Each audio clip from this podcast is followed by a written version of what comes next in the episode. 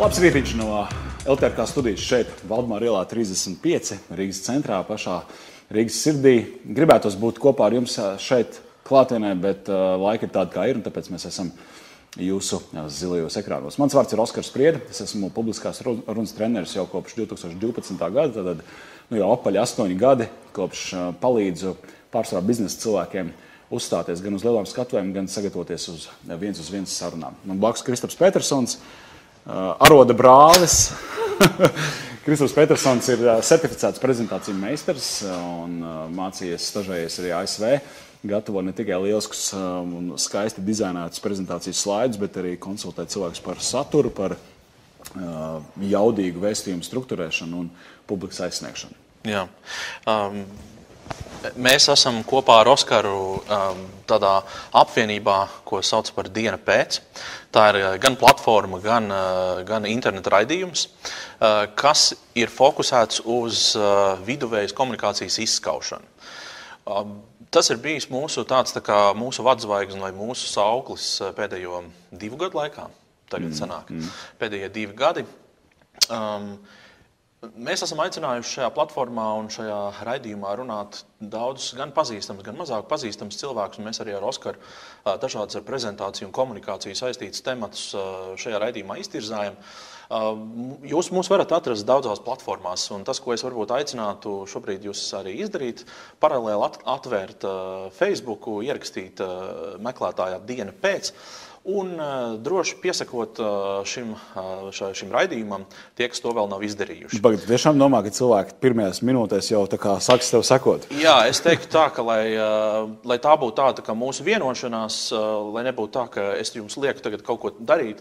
Tad vienojamies tā, jūs tagad piesakojat, un mēs veselu stundu tagad runāsim, un ja jums būs bijis garlaicīgi, un jums šis nekas no šī, ko mēs stāstīsim, nebūs dzīvē noderīgs, tad jūs drīkstat atsakot tai, platformai. Tad mēs arī redzēsim, cik daudz no jums ir akceptējuši mūsu saturu un, un cik daudziem tas nav bijis vērtīgs. Bet es ceru, ka būs vērtīgs, jo patiešām mēs runāsim par daudzām interesantām lietām, sadalīsim šo stundu, vai nedaudz vairāk par stundu, četrās daļās. Un te mēs arī gribam jūs iesaistīt nedaudz. Es lūgšu parādīt aptaujas īsu saiti. Mums ir tāda aptauja izveidota, kurā mēs labprāt aicinātu jūs atbildēt uz jautājumu, kas, kas ir tāds neatbildāms jautājums patiesībā. Nu, it, kā, it kā jautājums ir, uz, uz jautājumu varētu atbildēt, bet tajā pašā laikā ir ļoti daudz pareizās un ļoti daudz arī nepareizās mm. atbildes.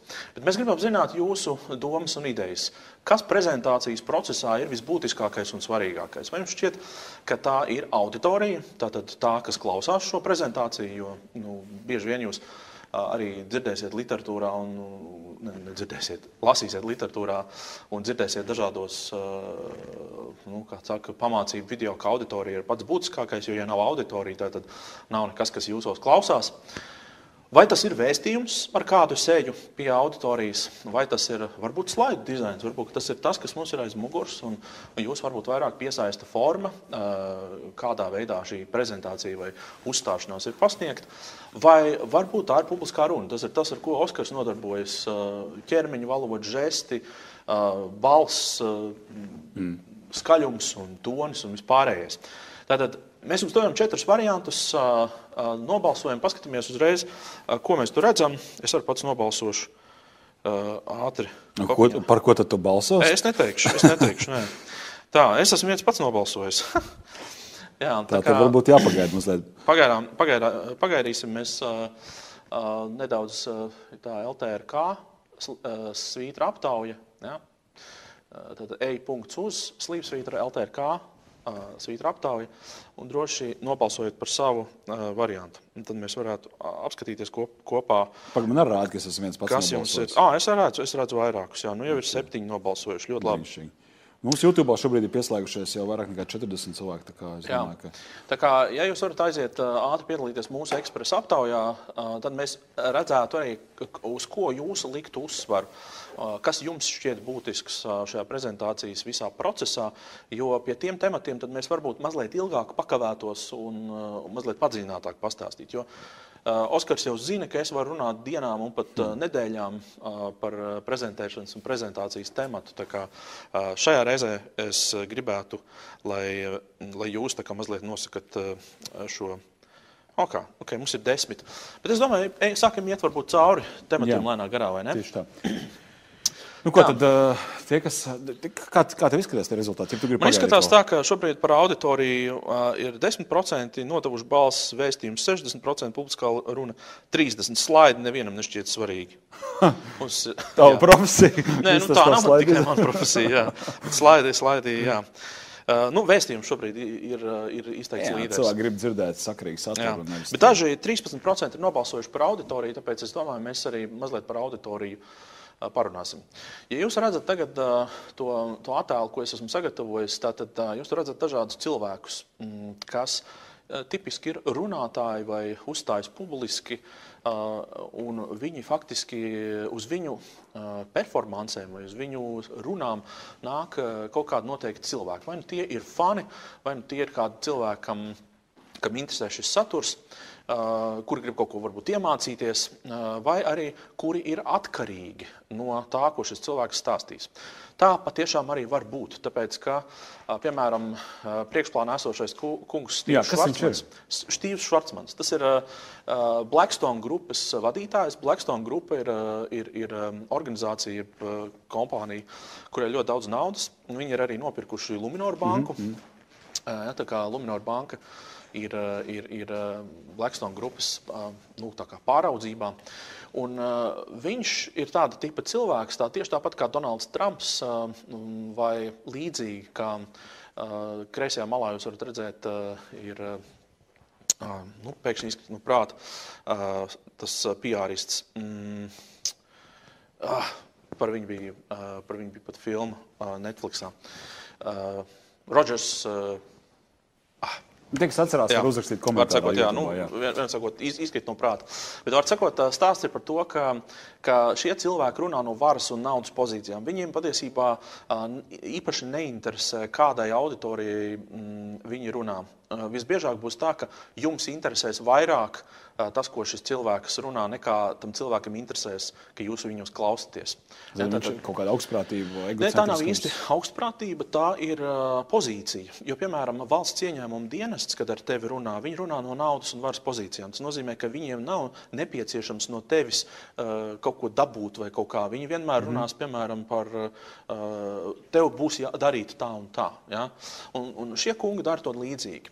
Tad ir tāds runātāju tips, kā piemēram Marks Zakerbergs ja, kurš, kurš, kurš ir mēdīju pārstāvis. Viņ, viņam arī patiesībā auditorija maz interesē. Viņš ir tas, kurš kontrolē, kādā veidā uz viņa platformas kāds komunicē. Un viņš mm -hmm. var mhm. kādu pie, nu, kā piegriezt un kādam atvērt vaļā slūžas. Tas nozīmē, ka viņš ir mēdījis, šobrīd uh, ir ļoti varenā pozīcijā, Kāpēc? Tāpēc, ka ļoti daudz uzņēmumu šobrīd kļūst par mēdījiem. Ja jūs paskatāties, piemēram, Ernst Young, jūs paskatāties uh, Novartis, jūs paskatāties, uh, uh, kas mums ir Walmarts, ja? viņi ir mm. veselas televīzijas uztaisījuši. Ja? Viņiem ir tā kā līdzīgi kā, uh, kā tirzniecības rūpniecības kamerā, ja? kur mēs tagad arī sēžam. Te ir kameras, te ir studija. Principā šī ir televīzija. Mm. Šī jau ir televīzija. Ja?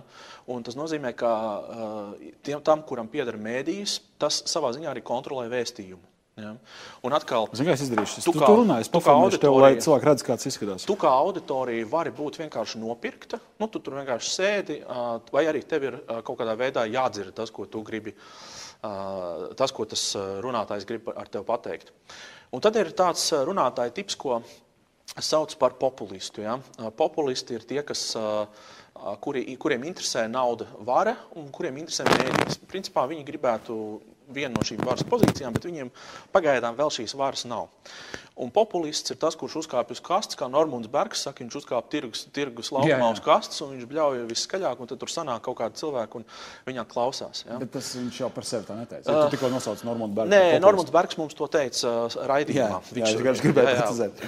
Kaut gan viņš reizēm man šķiet lieto populista, populistam raksturīgas taktikas, Protams. kas ir uh, provokācija, kas ir uh, ļoti skaļi paziņojumi, kas pievērš uzmanību un kurus ir grūti ignorēt. Tieši tā. Jā. Bet tas, ko mēs arī redzam gan biznesā, gan politiskajā vidē, mums ir ļoti daudz populistiskie runātāji, bet viņu mērķis ir viens. Viņu mērķis ir sasniegt šo varas naudas pozīciju vai kā tam līdzīgi. Mm. Un tad ir populistam ļoti līdzīga, līdzīgs runātāja tips, ceturtais runātāja tips kas ir autentiskais runātājs. Es šajā te, mm, bildē, ko es tagad.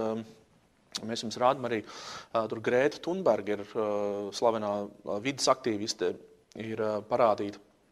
Viņa it kā savā ziņā ir populisms no vienas puses, bet no otras puses, kāpēc autentiskais runātājs? Tāpēc, ka viņas vēstījumam klāt ir tāda viena pievienota vērtība, ka viņa nevēlas naudas varas, uh, vai mēdīju pozīciju, viņi vēlas kaut kādu labumu. Proti, šis autentiskais runātājs ir tas jūsu kaimiņš, kurš iet un klauvē, piemēram, pie pašvaldības durvīm un, un lūdz tur, piemēram, guļošo policistu pie mājām, jo viņš redz, ka tur bērni daudz staigā un tā. Un tas ir tas, kurš iet un cīnās par, par, par, par kokiem parkā un, un tā tālāk. Un tā tālāk ja? tā kā, šos te runātājus visus mēs varam iedalīt kaut kādos vairākos tipos, un tad no saprast. Tā ir Beyoncé, kas tā ir? Jā, tā ir dziedātāja Beyoncé.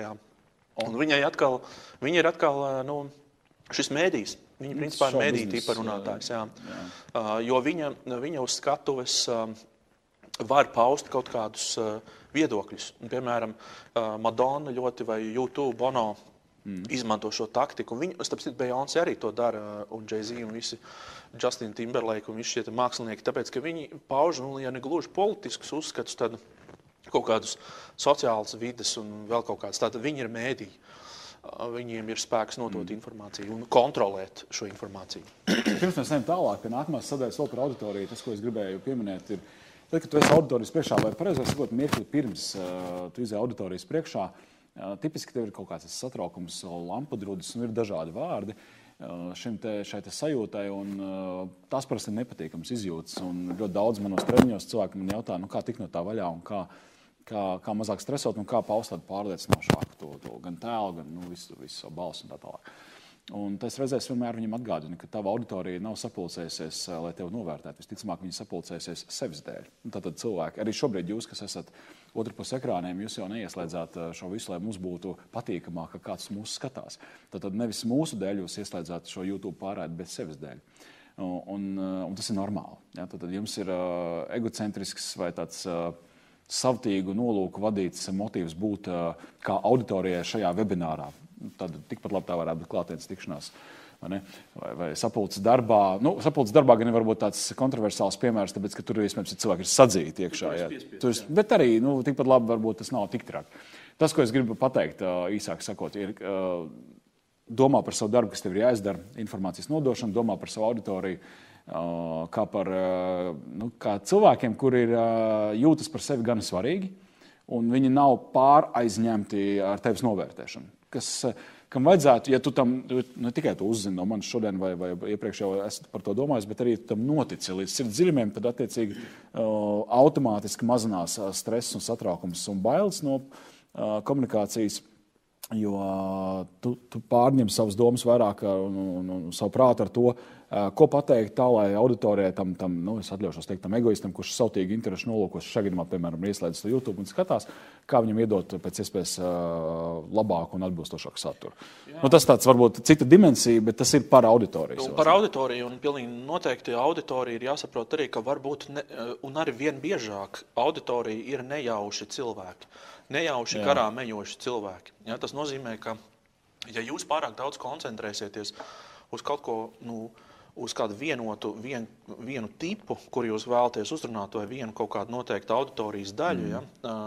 Mūsdienās to pat ir diezgan sarežģīti noteikt Jā. un, un, un, un, un viņus uzrunāt. Ja? Tā kā auditorijas mēdz būt arī nejaušas, to arī var droši piefiksēt. Nu, jā, es tagad skatos, mums ir kaut kādi vairāk nekā 40 cilvēki, kas skatās, un, un daži ierakstījuši komentāru. Labrīt, Ulim, labrīt, Naurim, labrīt arī Mārtiņam. Varat droši rakstīt komentārus arī pārējie. Bet nu, mūsu gadījumā arī nu, faktiski tā ir nejauša auditorija. Nu, jā, tas ir LTRK klubiņš, ir, jā. kas, kurā ir daudzi tūkstoši uzņēmumu. Tad, tad faktiski, nu, būsim godīgi, mums nav nejausmas, ar ko mēs katram, runājam. Katram savas jā. intereses, katram jā. savas, nu, teiksim, tā, tas kalibrs vai tas izmērs nu, jā. biznesam, katram savi izaicinājumi. Ja? Un, un tad, tad tas nozīmē, ka, ka tu nevari nekad iedot tādu saturu, lai tas visiem būtu interesants jā. visu stundu garumā. Tieši Mārtiņam Stankēvičam, lai tas būtu interesants. Jā. Uh, jā, tas ir tā kā mēs faktiski esam šobrīd nolikuši tādu palielu kasti, tirgus placī, uzkāpuši. Un, un, un mēs neesam izvēlējušies, kurš tajā dienā ir atnācis uz tirgu. Tad auditorija ir diezgan nejauša. Protams, ja tu darbā vadi sapulces vai runā ar klientiem, tad auditorija ir daudz precīzāk zināma. Bet, piemēram, ja tu esi tādā segmentā, kā nu, šis B2C, vai ne, kas ir biznesa uz patērētāju, un tev, piemēram, ir interese kaut kādu reklāmas video ielikt Facebook vai kaut kādus webinārus Eh, tiešraidē laist, tad, tad ar, ar to ir jārēķinās, ka auditorija ir diezgan nejauša. Droši rakstiet jautājumus YouTube. Mēs uh, redzam, šeit mums ir visādi ekrāni, visādas kameras un gaismas un tā tālāk. Un viens no ekrāniem mums smuki rāda tos komentārus. Kā, ja kādi jautājumi ir vai vienkārši komentārs, tad citu. Citu, man interesē. Es uh, ik pa laikam pēdējā tā daru, ka es zinot uh, mūsdienu realitāti un to, ka daudz webināru var skatīties, esot mājās, dārzā, pļaujot zāli un tā tālāk. Man interesē, ko jūs darat šobrīd tādu, kas ir tā kā, nu, varbūt kaut kas inčīgs, ko, Paralēli. kaut kāds blakus lietas. Iepriekšējā webinārā viena dāma man uzrakstīja, ka viņa gludina veļu, un es mēģināju tā vizualizēt, kāds ir kaut kur stāv dators vai telefons, un viņi klausās ausīs un, un gludina veļu. Superīgi. Tā kā, ja jums ir ko ierakstīt, droši ierakstiet, nekautrējieties, eh, jo, jo kas saka, nu, vai kaut kā atdzīvināt to visu. Jā. Bet ejam uz priekšu. Ejam uz priekšu, parunās, parunāsim par vēstījumu. Tātad vēstījums uh, ir ļoti, ļoti plašs temats. Uh, tātad mēs par vēstījumu vien varētu divas dienas runāt, mm. ne, neapstājoties. Um, Vēstījums patiesībā vēstījums sauc par karali. Tātad saturs ir karalis, ja, uh, un, mm. un, un, un, un bieži vien tas arī nu, tā tiek pozicionēts. Un, uh, te ir ļoti daudz dažādu pieejami. Uh, viss ir atkarīgs no jūsu vēlmēm, vajadzībām. Bet tā kā es ikdienā vairāk strādāju ar augstu likmju prezentācijām, proti, tādām prezentācijām, kur, um, kurām ir ļoti liela nozīme. Vai jūs, piemēram, dabūsiet finansējumu, vai jūsu uzņēmumu kotēs biržā, vai jūs pārdosiet šo, šo savu lielo teiksim, kaut kādu. Uh, kompāniju vai, vai, vai kādu nekustamo īpašumu kompleksu vai kaut ko tamlīdzīgu. Tātad tās ir augstas likmes, kas ir, kā es saucu to sudraba bulta, kur jūs šaujat vienreiz, ja būs, būs, nebūs, nebūs. Ja? Un, un šādos gadījumos ir ļoti svarīgi neaiziet ar tādu, kā es saku, ķepļepu saturu, kuru tu uh, vienkārši esi iepriekšējā vakarā saķepinājis kopā, un tad tu, kā, es varbūt vienreiz spoguli priekšā pamēģinājis, un, un gan jau, ka būs. Nu, tāda attieksme, ka droši vien nederēs. Šeit pastāv vairākas stāstniecības formulas. Um, tā kā es pārstāvu prezentāciju ģildi, tā ir tāda starptautiska uh, organizācija, kas uh, certificē gan šos ekspertus, meistarus uh, un, un, un, un mācekļus, ja, kur ir ļoti stingras vadlīnijas, piemēram, par to, nu, kādām prezentācijām vajadzētu būt un izskatīties gan korporatīvajā vidē, gan ārpus tās. Uh, ir ļoti daudz dažādas uh, šīs vadlīnijas. Ja. Uh, šajā ģildē pulcējās ļoti daudz arī cilvēku, kas ir visādi grāmatu autori un vispār autoritātes publiskajā runā. Uh, Un, un, protams, ka ir ļoti interesanti skatīties un apmainīties viedokļiem, kas ir šobrīd tās uh, ejošākās tendences uh, vēstījuma uh, stratēģijā. Un viena no tām, kas ir nemainīgi uh, uh, ar tādiem labiem rezultātiem, ir tā saucamā situācijas formula. Jeb, uh, es viņu saucu vienkārši vai nu par vilnīšiem, mm. ja, kā, kā jūs arī redzat, uh, vai kontrastiem. Es mazliet paskaidrošu. Tātad tas, ka cilvēks runā, piemēram, ko mēs bieži vien esam arī piefiksējuši, ka man ir 15 minūtes laika uh, sarunai ar auditoriju, es uzkāpju uz skatuves, un tas, ko es gribu izdarīt, es gribu tagad reklamēt to, ko es, uh, to, ko es Tā kā tu izdarīji sākumā, ja? Tu es reklamēšu, es tur stāstīšu kaut ko par dienu pēc, jā, kāds tur mums ir burvīgi, burvīgi viss. Un, un jūs būsiet, es tā uzsēdināšu jūs uz tādu, nu, uz tādu kaut kādu vienota, vienotas, vienas tonalitātes, un mēs tā visu laiku arī skaisti, skaisti, burvīgi, burvīgi cukurs, runāsim. Cukurs, cukurs, cukurs, cukurs, cukurs jā, piemēram. Un tā ir viena taisna līnija. Un tie, kas zina medicīnā, ko nozīmē taisna līnija, ja, tā ir. Nu, ja tā ilgāk, tad tāda ja tā, ir, ja tā ir ilgāk, tad vairs nedabūs atpakaļ neko. Tad tas nozīmē, ka auditorijai apnīk viena viena veida vēstījums. Kas jums ir jādara? Jums ir jāliek kontrasts, jums ir jāsāk um, iekustināt, uh, līdzīgi kā dabā visur ir šie viļņi, visur ir šis ritms. Jums ir jāsāk mēģināt iekustināt tas vēstījums. Jums ir jāatgādina auditorijai, ka kādreiz bija sliktāk. Nu, kādreiz bija tā, ka nu, kā mums bija 90. gados. Ja? Nu, Mm. Atgādini tiem cilvēkiem, un tad parādi, kur mēs esam šodien. Atkal atgādini, atkal apāj atpakaļ, pastāst kaut ko, kā bija kādreiz, kad mums nebija naudas, tagad mums nauda ir. Kādreiz mums nebija tur, tur nezinu, darbinieku, tagad mums darbinieki ir. Tad pastāstiet arī auditorijai, kā jūs to panācāt, vai nākotnes eh, formā panāksiet. Ja? Mm -hmm. Jo tas pat var attiekties arī uz šodienu. Jā, šodien tagad varbūt, nav naudas, bet tagad nav naudas, bet būs nākotnē. Jā, ja? jā. Un, ja jūs pavērosiet šādus kontrasta, kontrasta formulu, apzināti vai neapzināti, savā runās un savos vēstījumos izmanto visi es teikšu tā, visi 21. gadsimta un arī mūsdienu labākie oratori, jā, tas pats Mārtiņš Luters Kings, Uh, Steve's Jobs, piemēram, ja, klasisks piemērs ar Steve Jobsu. Ja daudzi uzņēmēji īpaši arī saka, man, es gribu prezentēt, kā Steve Jobs to dara, ja, tu man vari iemācīt tā darīt. Vai, mm. Un tas, ko Steve's Jobs darīja, viņš tieši izmantoja šos kontrastus. Jo tad, kad viņš jūs pavērosiet savā prezentā, viņa prezentācijās, kad viņš rādīja pirmo reizi mums iPhone, viņš nerādīja iPhone uzreiz, viņš parādīja to podziņu telefonu. Viņš parādīja to to situāciju, kurā mēs esam šobrīd. Tad mm. mēs šobrīd esam ar podziņu telefonu, jūs tur bakstaties, jūs tur neko nevarat uh, izdarīt. Un tad viņš parāda no telefona, viņš saka, reku stikla gabals, ja, burvīgi, jūs tur varat uh, kaut ko izdarīt, jūs tur varat izlasīt, jūs tur varat uh, uzrakstīt kaut ko un tā tālāk. Tad viņš atkal aiziet pie sliktā. Viņš rāda, kāda šobrīd ir datu ievadas tehnoloģija. Tas ir tas stilus, tas mazais puļķītis, ar ko tu kādreiz bakstījies un mēģināji kaut ko tur darīt. Nu, paratam, jā. jā. nu, un, uh, tas, ko viņš saka, nu, jums tas vairs nav jādara, tāpēc ka tagad ir labi. Tagad ir tā tehnoloģija, ka mēs ar pirkstu varam ievadīt uh, informāciju. Tad visu laiku notiek šī te, uh, šie te kontrasti. Un jūs papētīsiet arī gan eh, Kenedija runas vai Nelsons Mandela, kā uzstājās, vai kā. Viņi visi lietoja lielā mērā salīdzinājumus un pretnostatīja lietas. Jā, vienīgais tas, kas man mūsiņi, es šobrīd klausītos mūsu sarunu, tad uh, Nu, tu piemini tie visi tie piemēri, tādi no ļoti liels skatos, Mārtiņš Luters, Kings, Nelsons Mandela. Man uzreiz tā, tā kā sašļūka, nu jā, bet es jau kāds man Nelsons Mandela, es te braucu ar savu produktu, iedod vietējo, iedod tādu piezemētu. Ļoti vienkārši. Nu. Uh, Iedomāsimies, ka tagad tuvojās, kas mums Rīgas pašvaldību, pašvaldību vēlēšanas. Ja? Jā. Viņas tuvojas, un viņas atliek atkal tuvojās. Ko es varu pateikt? Nu, Čaki iela ir šausmīga. Nu, nu, nu, nu drausmīga. Nu, tur nevar izbraukt ja, pa to Čaki ielu. Bet tad, kad es nākšu pie varas, tad gan visas ielas Rīgā ir sataisījuši un tā tālāk. Un tā tālāk. Jā, atkal aizņem pie sliktā, atkal pasakām, nu, ka nu, nezinu, uh, bu, budžets jā, Rīgā budžets, jā. ir izsaimniekots. Jā, tā tad šausmīgi izsaimniekots, visur valda korupcija. Bet tad, kad es nākšu pie varas, tad būs, tad būs transparents, viss būs mm. caurspīdīgs. Mēs tur tādas, tādas, tādas lietas izdarīsim. Lūk, kā es to izdarīšu. Man 4000 zīmju programma, aicinājums uz darbību, nāciet par mani balsot. Ja? Es aizdomājos par uh, savām sarunām ar klientiem vai potenciāli. Tīklojot, kaut kur plāpājot, nezinu, pludmalē, prasu, ko dari. Es saku, Ziniet, kā ir ļoti daudziem cilvēkiem, kad viņi nonāk uzmanības centrā, vienalga vai tā būtu viens uz viens saruna vai kaut kāda neliela sapulce vai varbūt plašāka publiska runa. Ļoti daudziem ir zināms saspringums un reizēm grūti nofokusēt eh, domu un struktūrēt nodot vēstījumu. Tātad es lietoju situācijas formulu, es saku, ir tā, es iedodu bāzi.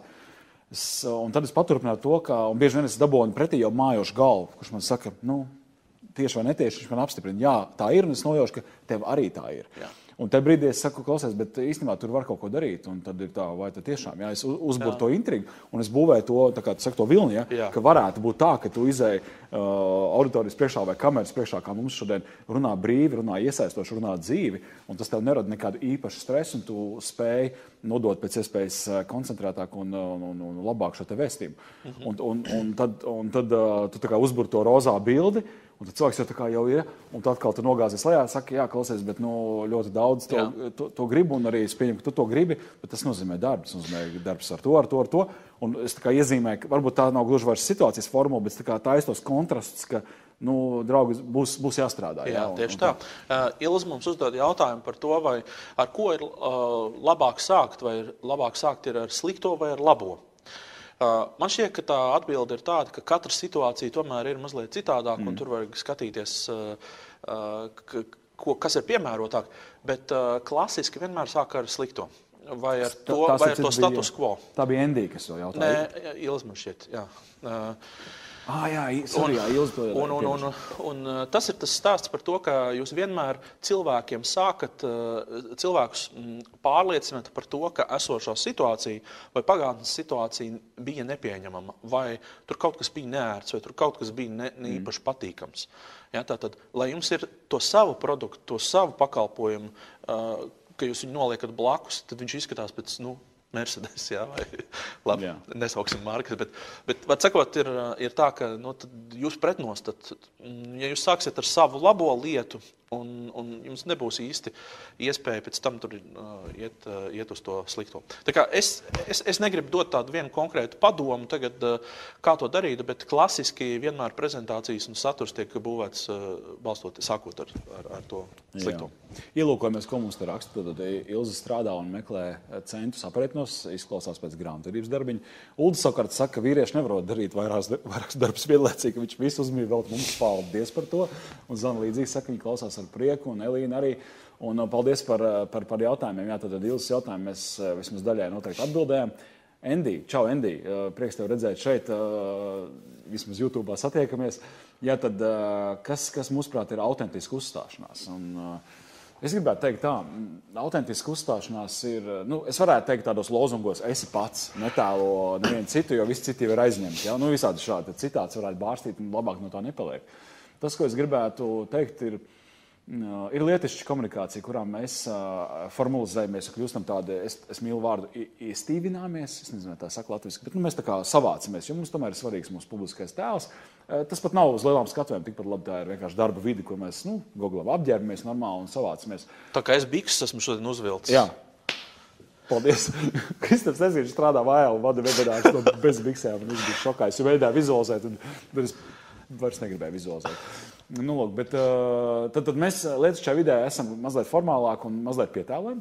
Uh, mēs spēlējam sociālas lomas. Savukārt ar ļoti mīļiem, tuviem cilvēkiem, ar ģimeni, ar labākiem draugiem mēs tiešām esam mēs paši. Un parasti, kad mēs labākiem draugiem vai ģimenē stāstām kādu notikumu, stāstām kādu produktu, ko mēs esam nopirkuši un par ko esam sajūsmā, vai esam tieši otrādi sašutos, jo tas ir galīgi izlases produkts, mēs parasti stāstām ļoti iesaistošā manierē ar tādu fonā vienmēr tāda sajūta man kā klausītājam, ka viņš man grib izstāstīt. Viņš man grib.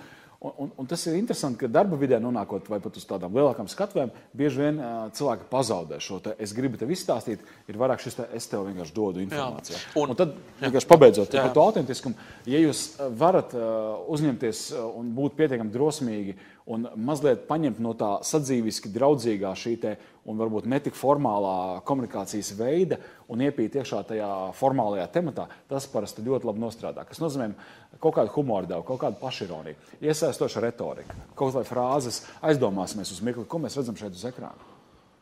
Ja? Un tad tu turpini savu vēstījumu. Un, un, un tādas lietas ļoti labi palīdz būt. Uh, Nu, es nezinu, vai tas tieši rada autentiskumu sajūtu, bet tas noteikti rada uh, to sajūtu klausītājā, ka tas runātājs pats tic tajā lietai. Viņš zina drēbi, un viņš tam tic. Un tajā brīdī mums uh, sāk pielikt šis te, ka es arī gribu ticēt tam, ko tu stāsti. Jā.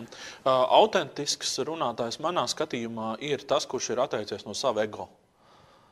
Esot uz skatuves. Uh, Jā. tad- Tātad autentiski runātāji, ja jūs paskatīsieties, piemēram, tas pats Mārtiņš Luters Kings vai Grēta Thunberga vai kas nu, kas nu ir šis tips, ja, šie runātāji, viņi, viņi vienmēr grib kaut kādu labumu kopējai lielajai sabiedrībai. Viņi varbūt netik daudz domā par sevi, par savu biznesu, bet viņi domā par, par tiem cilvēkiem apkārt. Un tad, kad tu raidi šādu nu, signālu, ka tu esi nevis viena cilvēka pasākums, bet tu esi nu, plašākai auditorijai uh, par, par viņiem domā, tad tajā brīdī dzimst šis autentiskums. Tas ir tas, kurā tu vari atvērties. Jo tad, kad tu esi no, kā egoists, tu gribi kaut ko man pārdot, tad es tik ļoti koncentrējos uz to saturu, ka, mm, ka, es, ka, ka es gribu naudu no tevis. Jā. Ka es esmu gatavs darīt ja visu kaut ko. Darīsim tā, tu man ierosini kaut ko, es tev arī pretī kaut ko uzreiz. Mm. Uh, un mēs, tas, tas, tas darījums, kā tas noved, tur nav nekāda autentiskuma. Tur ir ļoti nu, merkantīls. Aprēķins. Uh, tur ir mērķis, jā, jā. kaut kāds. Uh, un, un lai arī, piemēram, tai pašai Grētai Thunbergai varbūt ir kaut kādi šī, šie savi nu, mērķi, viņi tomēr palīdzēs nevis viņai vienai vai viņas kompānijai, bet viņi palīdzēs plašākajai mm. sabiedrībai. Un tas, Es to tā varbūt arī skatu, ka, ka mm, nu, no, tā, tā, no tāda viedokļa. Jā. Starp citu, jā, par kontrastiem es pavisam ātri vēl pa, pavisam pateikšu. Tur gan ir arī uzrakstīts, bet, bet tas, kas, tas, ko es arī gribu nolasīt, ja, ka kontrasti dzen šo stāstu uz priekšu. Tad ir notiek kaut kāda attīstība un virzība šajā situācijas formulā. Viņi iedod foršu skaistu kontekstu, jo tad, kad jūs runājat par pagātnes lietām, jūs un salīdzinat kaut ko ar šodienas vai ar nākotnes perspektīvu, jūs iedodat kontekstu, jūs iedodat plašāku redzējumu. Ja? Un jūs padarat uh, dzīvu, jo viļņi, ritms, uh, tas ir dzīvības, uh, dzīvības simbols. Jā, mēs jau spriedām, ka taisnība līnija tas Viss pulsē dabā. Bal balss kontekstā arī taisnība līnija noteikti nav labi. Mm, nu, es domāju, šeit monotona runa. Pabeidzot par vēstījumu, pirms mēs ejam tālāk no savas puses, tā kā es vakar, vakarā tieši vadīju nodarbību, un tā bija pirmā nodarbība vairāk nodarbību ciklā. Pirmajā es vienmēr runāju par to, kā veidot saikni ar auditoriju, kā veidot prezentāciju tā lai tā sajūta līmenī būtu kā saruna ar auditoriju. Pat ja runā tikai vienīgi eh, pats runātājs un pārējais sēž un klausās. Un, um, vienkārši iedošu pāris tādas uh, lietas, ko jūs varat noteikti pieķeksēt, sev kaut kur pierakstīt un padomāt, kā jūs varat uh, to trenēt ikdienas komunikācijā, kur nav spriedzes, kur nav nekādu augstu likmju, piemēram, veiklā iepērkoties. Um, Viena no lietām, kas man nāk prātā, kas izklausīsies diezgan uh, augstu provokācijas pakāpi, ir, ir komandēšana. Respektīvi, ka tu cilvēks komandē. Es nodemonstrēšu, kā tas izklausās. Un jūs sapratīsiet, ka tas neizklausās pēc komandas, bet patiesībā uz prāta strādā kā komanda. Piemēram, es varētu teikt, es tagad piecelšos, nezinu, vai operators būs priecīgs par kadrējumu maiņu, bet es varētu iedomāties, ka tas ir mans ekrāns, kur man ir slaids. Un es teikšu, apmēram tā. Saku, palūkosimies, kas šeit mums ir attēlots šajā grafikā. Kā mēs redzam, jūlijā mēnesī bija strauji kāpums, pēc tam augustā tas viss nogāzās uz leju, un tad septembrī atkal mums bija kāpums. Jautājums, kāpēc? Ja? Un Un tas, tas lielais jautājums ir, kāpēc mums jūlijā bija šis kritums, un tad septembrī atkal gāja viss uz augšu. Un pārdošanas nodaļas vadītāji droši vien man piekritīs, ka tas bija tāpēc, ka, un es pasaku kaut kādu argumentu. Nu, lūk, un, tas, kas caur šo piemēru, ko es gribēju nodemonstrēt, ka pirmkārt es varu jūsu acis un ausis un jūsu prātu kopumā vadīt, sakot, paskatīsimies, kas šeit mums ir attēlots. Tajā brīdī jūsu auditorijai būs te nereāli neklausīt un neskatīties līdzi. Uh, nākamā lieta, ko es pieminēju, um, es pieminēju acīm redzamo, es teicu, ka tur ir kāpums, ir kritums, ir atkal kāpums, un uh, auditorijai jau tiek nokomunicēts, nu, ka acīm redzot, es visticamāk iztirzāšu, nu, kāpēc tas tā notiek. Tad es retoriski pajautāju, kāpēc tā bija. Ja? Un tad, es, ko es vēl izteicu apgalvojumu, es teicu, droši vien pārdošanas nodaļas cilvēki ja, zinās vislabāk. Tas notika tāpēc, ka kaut kas tur bija. Respektīvi, tādā, nu, šis bija varbūt pārsālīts mazliet tādā ļoti īsā komunikācijas piemērā, nodemonstrēja, cik daudz šie retorikas elementi var tikt izmantoti, lai, lai, lai dibinātu kontaktu un lai, lai to vēstījumu ne tikai to, kas saka, stumtu no savām pozīcijām uz klausītāju ausīm, bet arī lai būtu šī miedarbošanās, kas, manuprāt, ļoti svarīga. Nu, kas, tas nav tikai par vēstījumu, tas arī ir par auditoriju un par to, kā mēs, kā mēs savstarpēji darbojamies. Es, es ceru, ka varēju uztvert to domu. Tad, tad mums ir klausītāja komandēšana, mums ir apgalvojuma izteikšana, mums ir kaut kāda nu, tīra žestu valoda, kaut ko norādes kaut kādiem izdevuma materiāliem vai slaidiem. Mums ir retoriski jautājumi, uz kuriem mēs paši atbildam. Mēs varam arī strukturēt vēstījumu, sakot, piemēram, godmaņa stilā. Man, teiksim, mēs redzam, ka septembrī bija kāpums. Jā, mēs varētu jautāt, kāpēc. Nu, tie ir vismaz trīs lietas. Tad pirmā bija tas, otrā bija tas, trešā bija tas. Tā kā es esmu pie otrās, tu, tavs prāts ļoti labi zina, ok, viņš ir pie otrās, tūlīt vēl būs trešā. Ja? Ir paredzamības sajūta, ir viegli sekot, man nav mokoši uztvert saturu. Ja? Nu, šādi mazi triki, kurus es zinu, ka jūs izmantojat īstenībā, nu, visticamāk, neapzināti tādās bezspriedzes komunikācijās, tas ir pilnīgi normāli. Piemēram, tu atbrauc no forša ceļojuma un saka frāzi, Es tikko beidzu teikt, tu nevari iedomāties, kā man tur gāja tirgu. Tur bija tāda situācija, es tev tūlīt izstāstīšu. Ja. Tad, kad cilvēks uzkāpjas skatos, viņam ir biznesa kaut kāds case, kaut kāds stāsts, un viņš, ne, viņš nelieto šādu frāzi. Viņš vienkārši saka, vienam manam klientam bija tā. Bet kāpēc nevarētu pateikt? Jūs nevarat iedomāties, kā man gāja ar vienu klientu. Nu, tur, tā, tā situācija bija vienkārši paradoxāla. Ja. Izstāstīšu pavisam īsi. Es zinu, ka jūs steidzaties. Ja? Un tajā brīdī tu uzbūvē to, no nu, angļuiski saka, anticipation, latviešu tādu kā nu, gaidas, gaidas, jā, tā kā pacēl. Un, un faktiski tādu, tu veic tādu mini pārdošanu nepārtraukti savā komunikācijā, dodot slēgt tādus tā argumentus, kāpēc ir vērts turpināt man pievērst uzmanību. Jā. Man bija vienreiz tāds gadījums, man ar klientu jālido uz pasākumu, un, es, un viņš ir sāorganizējis privātu lidmašīnu. Mēs, okay. tagad, mēs tagad dodamies, mēs iekāpjam tajā lidmašīnā. Uh, nu, tur vēl vairāk cilvēku. Mēs uh, tur runājam, tā līnija paceļās. Un, uh, tas pilots saka, ka vienā brīdī, kad uh, nu, priekšā gaidām turbulences, jums vajag atgriezties vietā un piesprādzēties. Mm. Un, uh, mēs tā kaut kā vēl tur turpinām to sarunu, un es virzos uz to vietu, bet tā turbulence jau sākās. Nu, mēs sākām jau reāli nu, mētāt, un, un, un, un tā. Nu, mēs tiekam uz tām vietām, mēs piesprādzējamies, un, un tā lidmašīna sagāžās ļoti nu, spēju uz, uz sāniem. Nu, tā, ka, kārtīgi sagāžās. Yeah. Tā kā tu vari red, reāli redzēt, tur gandrīz zemi. Ja? Mm -hmm. Un, un, un, un, un, un tad vienā brīdī tā sajūta, ka viņi tā kā sverās un sāk pikēt. Nu, tā kā krist. Bet tas nav tas, ko es vēlos šodien ar jums īsti runāt. Mūsu sarunas temats būs mazliet cits. Ja? Tad, ko es nu pat izdarīju? es uzbūvēju nereālu intrigu. Protams, nekas no tā, ko es stāstīju, nav taisnība. Bet, um, uh, Bet uh, stāsts ir tāds, ka es, es uzbūvēju intrigu, visiem ir, o, oh, kas tagad notiek, Jā. un tad ir tas pirms sešiem mēnešiem. Ja? Vai nu, kā filmās, filmās ja? tais, jā. Jā. Tātad literatūrā to sauc par zelta gradzenu formulu. Ja? Tātad jūs varat, uh, nu, nav jau tā, ka tikai vilnīši vai šī situācijas formula ir tā, kas uh, ir nu, stāst, stāstniecības formula, ir daudz tādas. Jūs viņus varat atrast reklāmā. Uh, Uh, reklāmās, filmās, literatūrā ļoti daudz kur ir. Ja? Tad, tad šis zelta gradzena tagad princips, ko es neesmu tajā privātajā lidmašīnā. Nē, nē, nē. Bet nē. tu tik dzīvi izstāstīji, es tev tikai noticēju. Nu, tieši tā, nu, tad tur ir tas stāsts par to, ka... Bet ko tu gribi pateikt auditorijai? Mēs taču nemānīsim cilvēku. Nē, nē, nu, tas stāsts nedaram. ir par to, ka tad, kad jūs stāstat, jūs varat uh, uh, uz, uzsākt, šo, uz, uzsākt to intrigu. Uh, Un tad it kā stāstīt lietas, kuras jūs viņiem patiešām gribat izstāstīt. Mm. Jo tad tā uzmanība būs simts procentos. Viņi jutīsies mazliet, nu, tā kā nu, viņi sapratīs, ka tas ir bijis kaut kas tāds, ar ko uzāķē uzmanību, jūs turpināt ar savu saturu, un tad beigās pastāstiet viņam, kas notika. Protams, ka jūs šeit stāvat viņa priekšā, un tas skaidrs, ka lidmašīna nenokrīt, viss kārtībā no, nolaidās. Ja? Bet tad pastāstiet, kā tā situācija atrisinājās mm, beigās. Mm, mm. Un, un vislabāk, lai tas ir sasaistīts kopā ar to jūsu stāstu, lai tur ir kāda mācība beigās.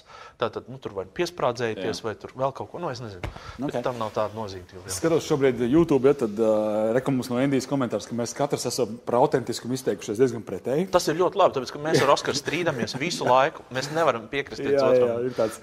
Reizē pat, uh, to saka, nu varbūt tu varētu būt tas labais policists, tas sliktais vai kaut kā tā, ka mēs tur. Nē, mēs speciāli to nespēlējam, jā. bet, uh, bet uh, tiešām mums par daudziem tematiem prezentācijas procesā ir uh, varbūt mazliet atšķirīgs viedoklis, bet jā. es uzskatu, ka tas ir tieši labi. Jo mēs, piemēram, prezentāciju ģildē arī nu, daudz reizes plūcamies. Jā, nu tur... jā, jā, tad rodas kaut kas. Ar kur Ilga raksta, ka viņi uz, uzķērās uz to lidmašīnas stāstu. Savukārt Kaspars. Uh, varbūt tāpēc, ka es pieminēju to angļu termi, terminu, anticipēt, nezinu, viņš prasa tā, cik daudz un, un bieži prezentācijās izmantot dažādus svešvārdus. Nu, svešvārds gan ir viena lieta, ir anglicismi, ir nu, jāstāsta. Profesionāli termini, droši vien. Termini, ja? Un vai šeit būtu teiciens, esi vienkāršāks un cilvēki tevi sapratīs labāk? Ja drīkst, jo tas arī ir labi pie vēstījuma klāt. es teiktu tā, ka tad, kad cilvēks runā sarežģīti un klausītājs viņu nesaprot, ļoti reti būs situācija, kad klausītājs atzīs sev, nu jā, es esmu par stulbu, lai šo saprastu, vai par neizglītotu. Vai ne? Ļoti bieži būs vienkārši bloķēšanās un iespējams pat tāda, ah, tas runātājs nemāk man izstāstīt. Nu, tā lai es saprastu. Tas var būt vairāk tādā viens uz viens komunikācijā, bet arī publiskajā runā tāda var būt. Tāpēc no, no tā viedokļa skatoties, es teiktu, ir, ir vērts runāt tiešām vienkāršākiem vārdiem un, un nebaidieties arī sevi paskaidrot. Nu, protams, lai tas nekļūst varbūt mokoši, bet uh, savas domas nu, dot tomēr tādā iejutīgā veidā. Nevis tikai tāpēc, ka cilvēks varētu kaut kādu terminoloģiju vai noteiktas frāzes nesprast, bet arī uh, Eh, pieņemot to, ka viņš jau varbūt nav nu, ar, ar tādu 110% uzmanību tieši tajā mirklī ar tevi. Tas nozīmē, ka tev ir jāstrādā ar viņu tā kā, nu, tā kā ar baltiem cimdiem, visu laiku jādod tā informācija tā, lai, lai ir uh, viņiem saprotami. Bet, nu, protams, tas, lai tas nekļūst tā, ka nu, reizēm man ir arī uh, treniņos cilvēki nāk prezentē, viņi labu gribēdam stāsta tik kaut kādiem lieliem burtiem, ka es saku, klausies, nu, cilvēki nav idioti. Viņi, nu, viņi saprot jau sen, ko tu gribi pateikt. Ejam uz priekšu. Tas ir labs, ko tu pateici. Tur jā. jānoķer tas balans? Um, mēs tieši vakar uh, par šo diskutējām uh, vakarnakt uh, mūsu atkal kārtējā čatā. Prezentācija ģildes čatā. Un, tas, kas man ļoti iepatikās, kur man kolēģi teica, ka prezentācijā saturā mērķis jau netik daudz ir tas, es tagad atvainojos, ka es angliski to terminu lietošu, bet mērķis ir netik daudz šim simplicity, jeb vienkāršumam, kā clarity. Skaidrība. Skaidrība, jā. Tātad vienkārši, vienkāršums jā. pret skaidrību. Tātad vienkāršums nekad nav mērķis. Tas nav pašmērķis. Tev nevajag tiekties uz vienkāršošanu. Tev ir mērķis tiekties uz uh, skaidrāku. Clarity, es, nu, varbūt jā, jā, jā, tā, tas ir skaidrība. Bet, jā. ja drīkst oponēt ātri, ne, es tev iz, iz, izstāstīšu no sākuma līdz nu. galam. Tātad, kas, kas ir tas uzdevums?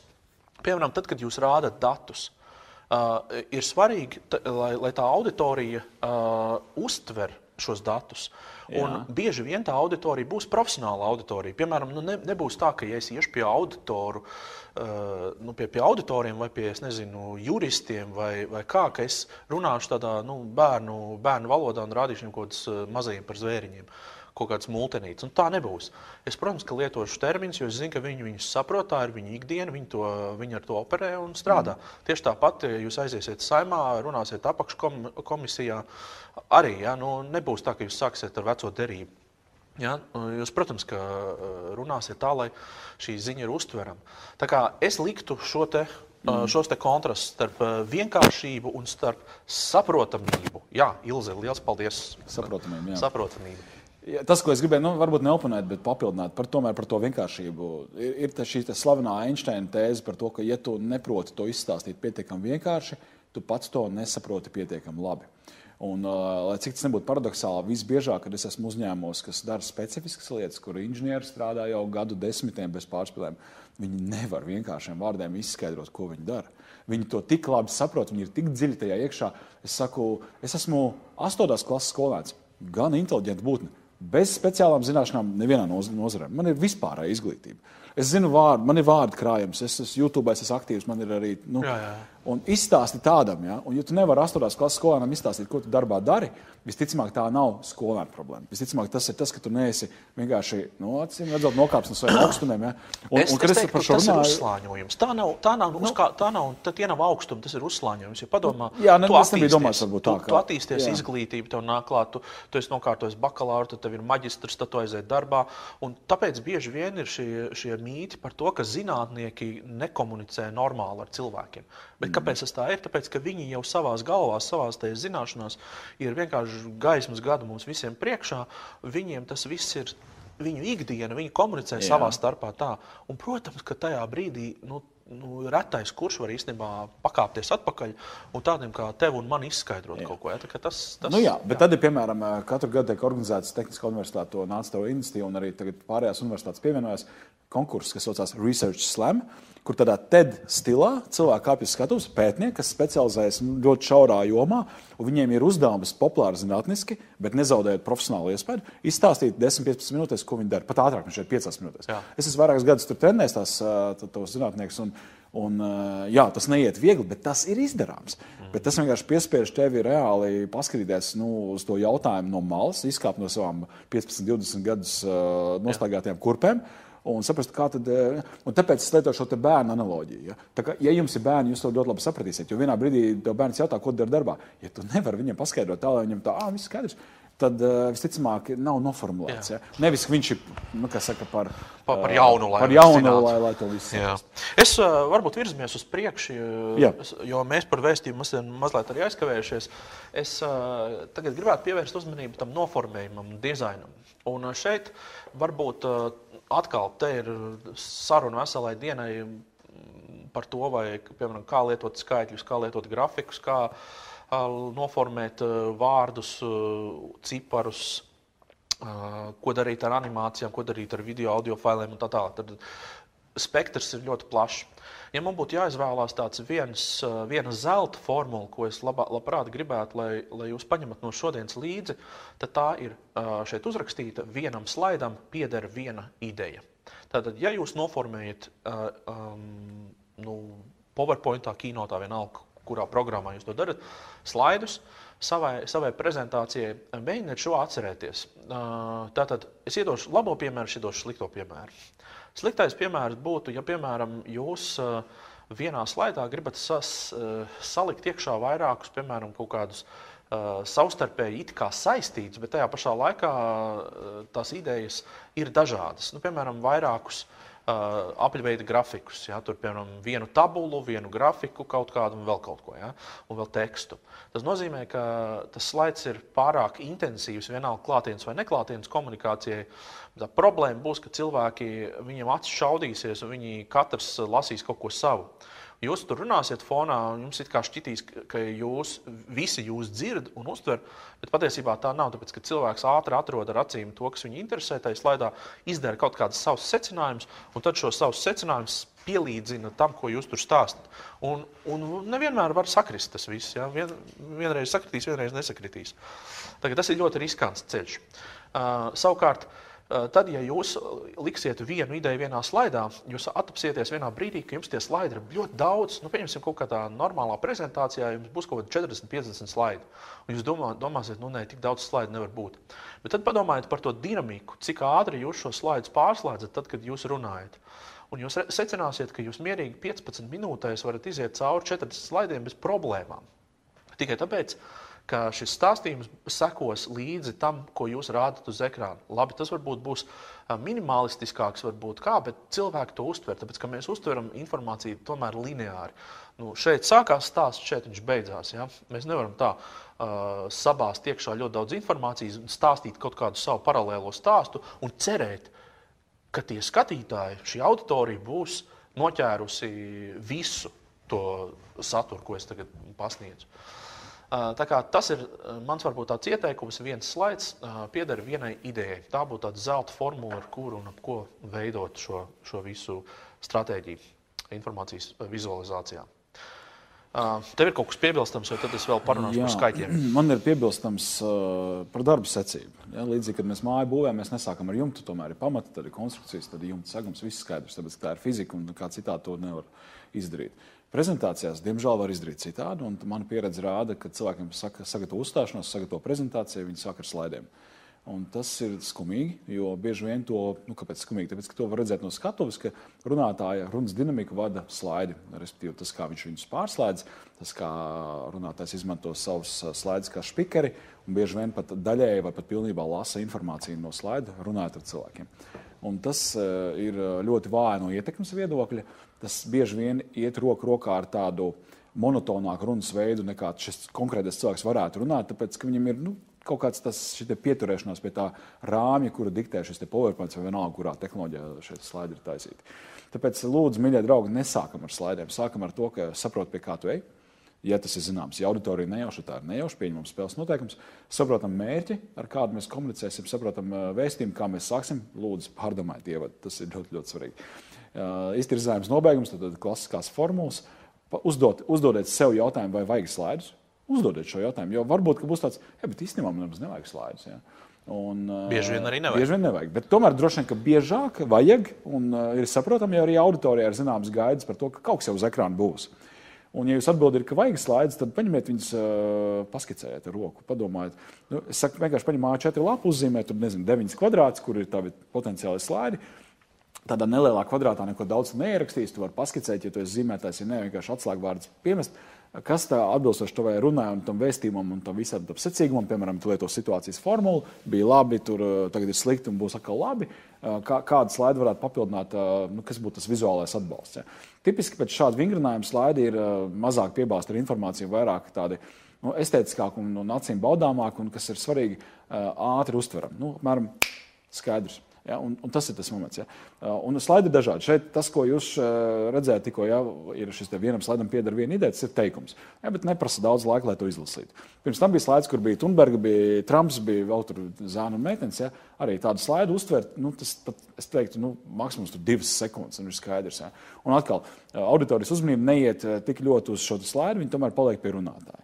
Un tad, un, nu, izņemot gadījumus, ja jūs tiešām apzināti taisat slaidus, lai slēptos aiz tiem, ko, diemžēl, ik pa laikam redz, ka cilvēki taisa tik intensīvas un informācijas bagātas slaidus, lai, nu, seris, lai tikai uz mani neskatās. Ja. Bet, nu, ziniet, draugi, tad varbūt vienkārši aizsuriet šo te tekstu dokumentu un nē, uz tās skatos. Nu, es varbūt tā skarbi izsakos, bet, bet, uh, bet tā kultūra, diemžēl, ir diezgan uh, draņķīga, nu, kad, mm. ka slaidi ir kā pamats vispār uzrunā. Ja. Un, un, es gribētu, lai, lai pēc šī webināra jūs aizdomājaties, vai, vai tiešām tas, tas, nu, tam tā būtu jābūt. Jo primāri tomēr man šķiet, ir uh, cilvēks uz cilvēku un viss eh, tehniskais atbalsts, tā skaitā visādi vizuāli, tas ir kā, kā papildinājums. Jā, un eh, tad eh, bieži vien auditorijā man izskan šis jautājums, bet man tiek no manis bieži vien prasīts šo informāciju arī nosūtīt. Pēc tam esmu uzstājies, un tad cilvēkiem ir kaut kas jānosūta.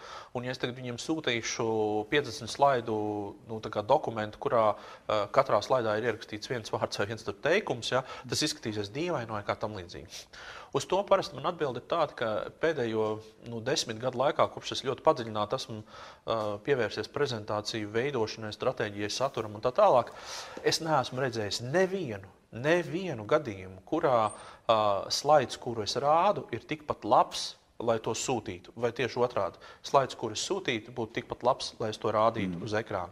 Tātad mans ieteikums šajā gadījumā, īpaši, ja jums ir augstas likmes no situācija, būtu sagatavot dubultu materiālu. Proti, viens, kur jums būtu stāstāmais, stāstāmā prezentācija, kur patiešām ir varbūt šis saprotamība iekšā. Un otrs dokuments, un es pat bieži vien to nesauktu par, par, par slaidu šovu vai par slaidu, nu, slaidiem, kas ir vienkārši kā PDF vai kas tamlīdzīgs. Bet uh, tas, kas man patīk pēdējā, pēdējā laikā, ir veidot tādus vienlapjus. Nu, tādu, uz vienas lapas, varbūt tas pat ir Word dokuments, kurā es plānu, plā, kā plānu punktus sarakstu tos. Uh, tos, to, to galveno lietu, par ko esmu runājis, tos varbūt datus izvērstāku. Varbūt es tur ielieku to Excel tabulu, kur es nevarēju ielikt, tad, kad es rādīju to slaidu. Var sakot, uh, jā, nu tas ir tas stāsts par to, ka tu mm. sagatavojies mazliet vairāk un pievērs uzmanību, ka ir rādāms materiāls un ir sūtāms materiāls vai šis izdevums materiāls. Um, tad, tas, tad tā lieta strādā. Jā. Es varbūt vēl pavisam īsi gribētu papildināt uh, daudziem šajā laikā, kad mums ir attālinātā komunikācija. Uh, ir jautājumi par animācijām, par video failiem, par audio failiem, vai ir forši rādīt un, un, un, un, un, un tā. Uh, tur ir tāds diezgan uh, nu, viena būtiska lieta, kā interneta ātrums, interneta ātrums un stabilitāte.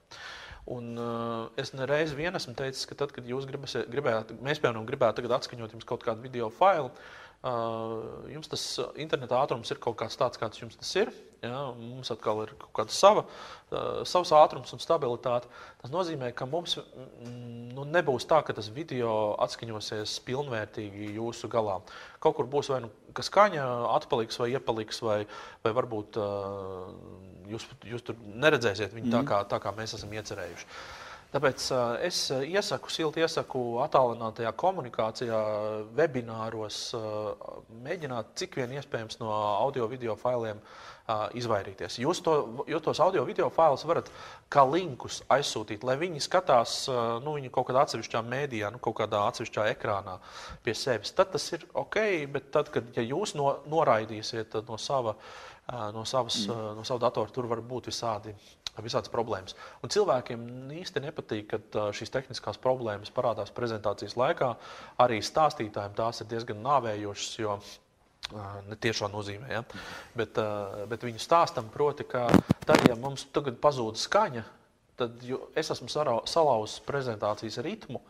Un tad, kad es dabūšu šo skaņu ar tehnisko cilvēku palīdzību atpakaļ, tajā brīdī nu, jūs vairs nejutīsieties tā, kā jūs jutāties tad, kad mēs mm. bijām iepriekš. Tā kā salauzt prezentācijas ritmu vai publiskās runas ritmu ir viens no varbūt tādiem trakākiem notikumiem, kas var notikt uz, mm. uz skatuves, vienalga attālināt vai, ne, vai, vai klātienē. Skatos, ja mēs varētu dot balvu par aktīvāko jautājumu uzdošanu, tad noteikti Ilza saņem šo balvu. Cepums Ilzai, paldies par komentāriem un, un reakcijām. Pārējie droši arī sūtiet un varat arī plēst joks, nekāda problēma. Bet par slaidiem pabeidzot, tad Ilza saka, man formula tāda, viens slaids, viena minūte. Un šo es ik pa laikam dzirdu, ka cilvēki, un arī viņi prasa, treniņos man prasa, un arī tev prasa, nu, cik man, ja man ir 15 minūšu uzstāšanās, cik slaidus man vajadzētu. Un man vienmēr tas jautājums izraisa smaidu no vienas puses, bet arī nu, tāpēc, šķiet, nu, tas ir tāds, nu, nu kā nu bāzes, cik gadījumu, tik, tik, tik, tik versijas. Bet tāpat laikā, nu, tomēr varbūt ir kaut kāda tāda, tāda zelta formula. Kā, kā uh, um, slaidu skaitam nav nekāda nozīme. Nozīme ir laikam. Tātad vienmēr svarīgs būs laiks, ja mums ir jāuz, jāuzstājās 15 minūtes. Mm. Tad ir pilnīgi vienalga, cik man slaidu ir šajā 15 minūtēs. Es varētu runāt, es varētu runāt uh, Es nezinu, ar, ar, ar, ar desmit slaidiem, es varētu runāt ar, ar, ar, ar 20 slaidiem, vai es runāt, varu runāt ar tri, trim slaidiem. Mm. Ja, tas ir viss ir atkarīgs no, tā, no tās manas uh, runas, no, no, no tās struktūras un vispārējais. Bet kāds ir biežāk novēroties uh, tas, nu, tā, tā attiecības ar laiku un slaidu skaitu? Tur ļoti daudz skaistu prezentācijas. Zini, kā es esmu redzējis prezentācijas ar 200 slaidiem, uh, kur cilvēks norunā tur 15, 20 minūtes. Tā kā. Tā kā nu, pārslēdzot, bet ļoti ātri un viss, un, un ir ļoti labi. Un ir ļoti labi tiešām. Mm. Un, un esmu redzējis arī, kur, kur viena slaida rāda, tam nav tik liela nozīme. Tad nav tāda viena formula vai nav, nav tāds viens, viens konkrēts gadījums. Un tas, kā notiek tipiski konferencēs vai semināros, tas nav nekāds rādītājs. Rādītājs ir tāds, vai es sapratu mm. to, ko tas cilvēks teica, vai nē. Tas ir rādītājs. Jā. Un katram ir savs stils. Cits ir tāds, kurš uh, ir ļoti vizuāls, viņš grib vizualizēt visu. Citam ir tā, ka uh, viņam ir ļoti labi, nu, tā kā tev, piemēram, nu, labi nostādīta balss, un tu labi izskaties uz skatuves, un tev nekādas slaidus nevajag. Tāpēc, ka cilvēki vienkārši uh, tavu, tavu teikto uztvers mm. tā, kā tu to pasniedz. Nekādu vizualizāciju nevajag. Jā, zinām, pabeidzot par vizuāliem, par slaidiem, uh, viens atgādinājums, uh, jo vairāk jūs lietosiet tehnoloģijas, jo ātrāk pienāks tā diena, ka kaut kas noies greizi. Nu, tā vienkārši ir. Tas ir Mērfijs vai kas nu tas ir, sauciet kā gribat. Tas nozīmē, ka jums ir jābūt uh, uz savu prezentāciju gataviem runāt arī bez slaidiem. Un, uh, bet tiešām jābūt gatavam. Tas nozīmē, ka tu esi pārdomājis.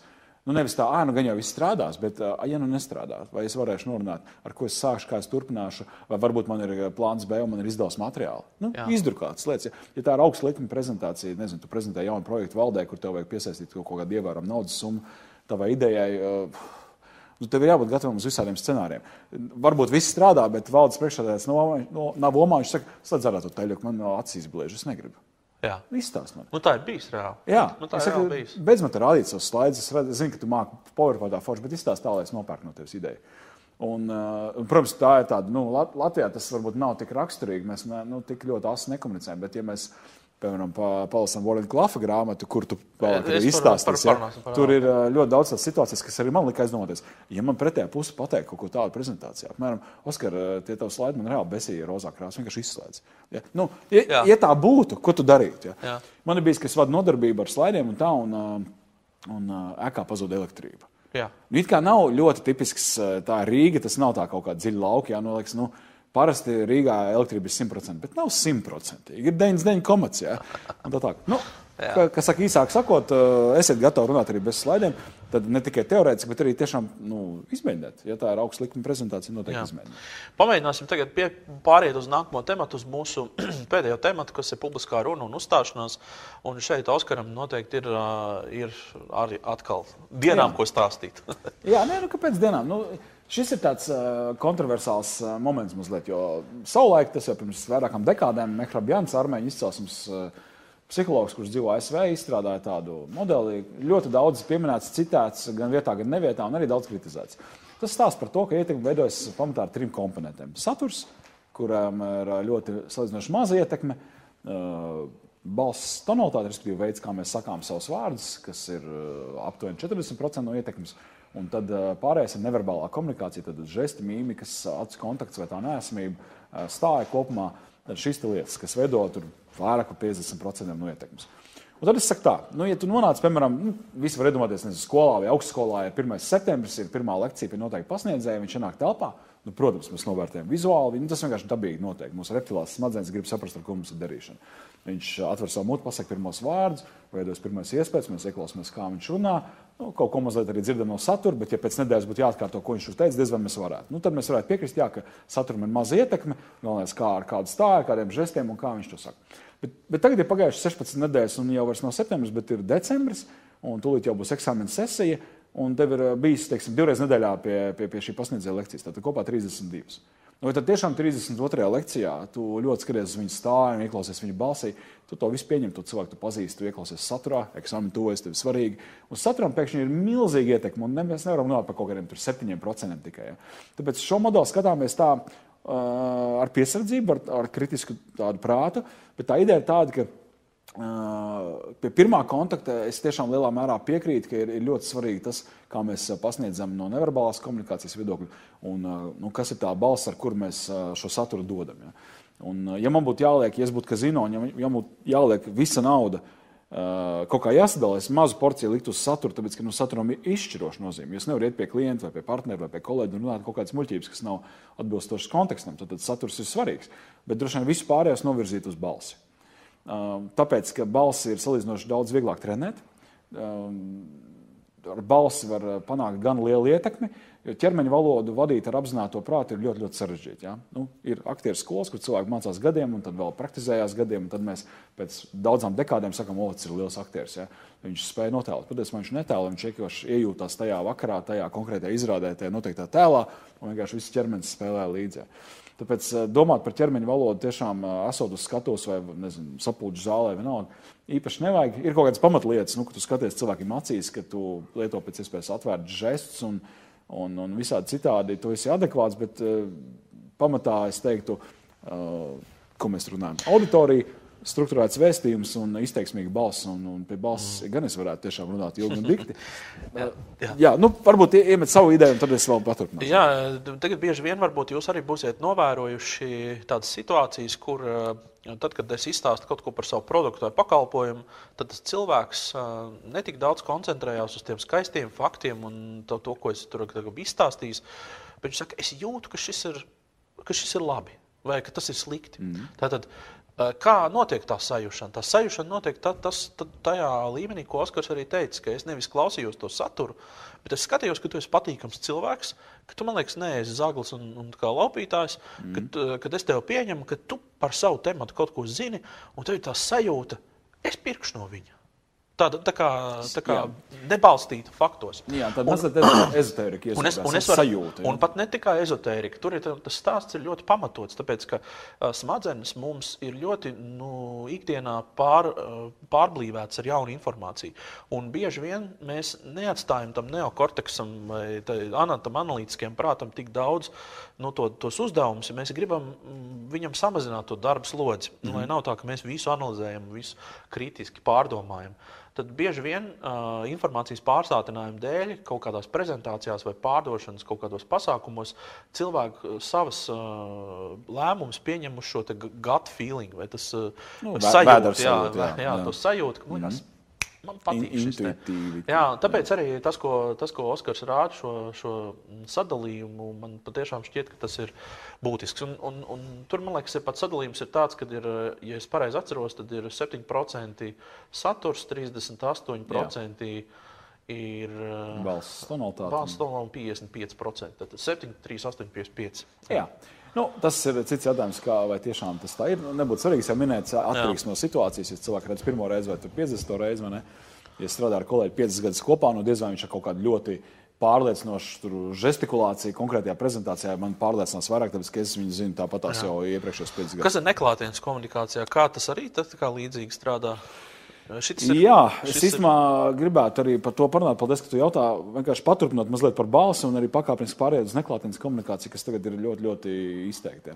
Um, par balsi runājot. Um, mm, Tur pārs, es pārslēgtu uz nākamo. Es, ja, ja paspēsim, jā, pārslēgt uz nākamo slaidu, bet ja mēs uh, ne par slaidiem runājam šobrīd, um, Es minēju, es būtu kazino, es daudz liktu uz saturu, bet daudz, daudz vēl vairāk uz balsu un ķermeņa valodu atstāt, lai, lai ķermenis spēlē savu dabīgo stāvokli, izņemot, ja tas kaut kas totāli neadekvāts, nezinu, acis grīdā un vispār nepārliecināts, nokautrējies tēls. Uh, ar balsi ir tā, ka tur ir vairākas komponentes. Tur noteikti ir tembrs, pie kā var strādāt, uh, bet reti kurš to dara. Un es teiktu, arī reti, kuram to vajag. Ja vienīgi tu neesi kaut kāds radio dīdžers vai kaut kas tāds, bet tad jau tipiski tu ej kaut kādu citu karjeras ceļu, meklē tur kursus un tā tālāk. Um, Skaļums noteikti ir jādzird, tas ir automātiski, bet nu, reizēm ar to ir grūtības. Tas, ko es redzu mūsdienās, uh, cilvēki, nu, grūti pateikt, varbūt arī kādreiz tā bija, bet nu, vismaz pēdējā nu, dekādē, kopš es strādāju, es jūtu, ka cilvēki nu, runā diezgan pavirši dikcijas ziņā.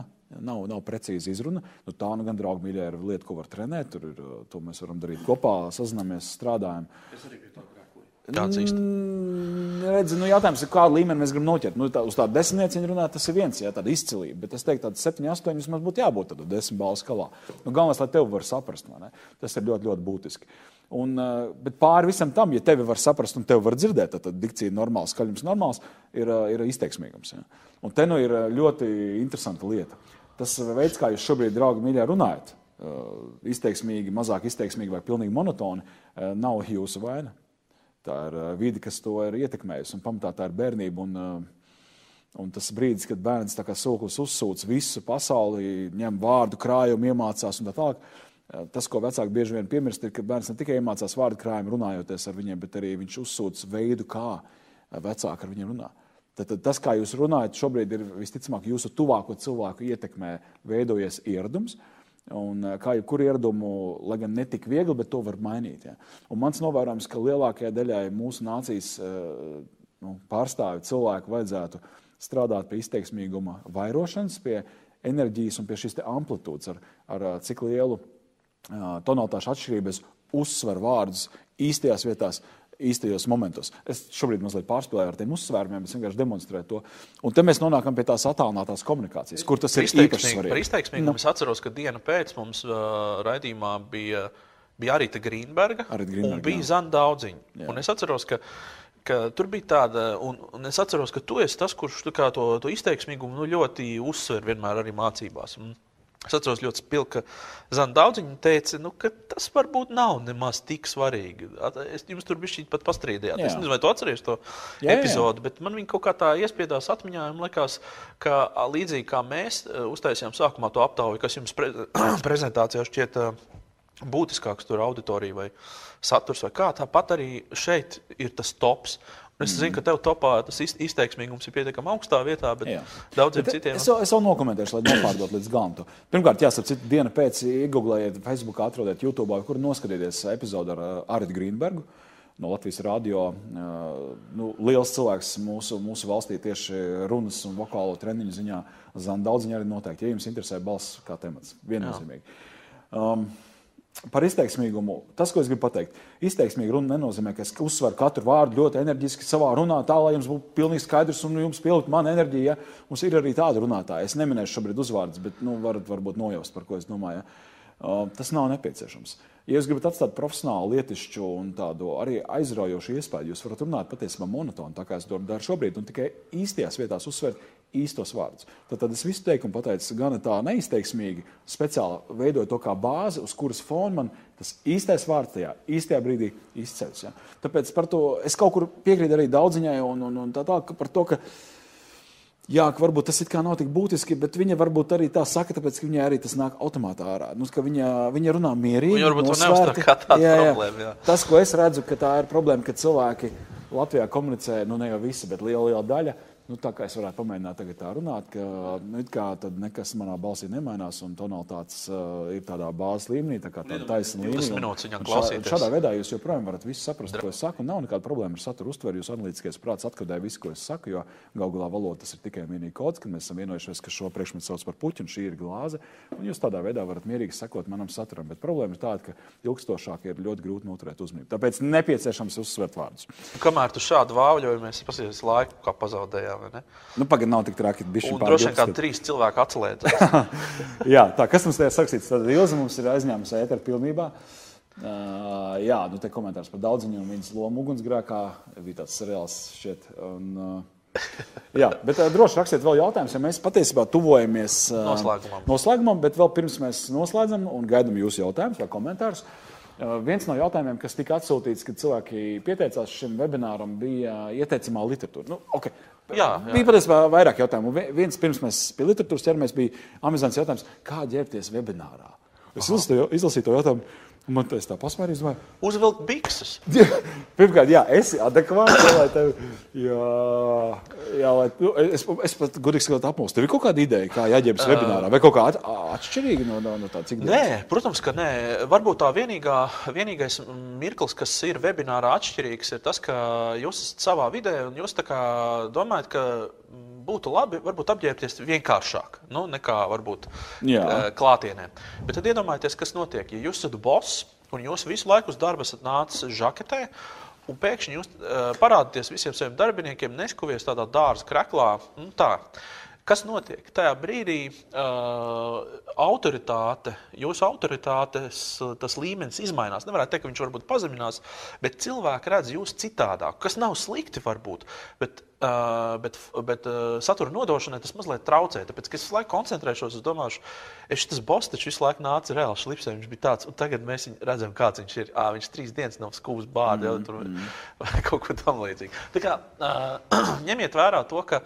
Uh, tādi, kādi jūs esat atmiņā tai savai auditorijai, tādi varbūt arī centieties būt webinārā. Tas varbūt tāds vienīgais ieteikums, jā, bet citādi Vēl par webināriem jūs redzat, slaidā arī šobrīd. Ka, nu, tas pa kreisi ir tas klasiskais Mehrabjāna modelis, un pa labi ir tas kaut kāds manis izdomāts, tāds, pie, es nevēlu nosaukt par pieņemtu modeli.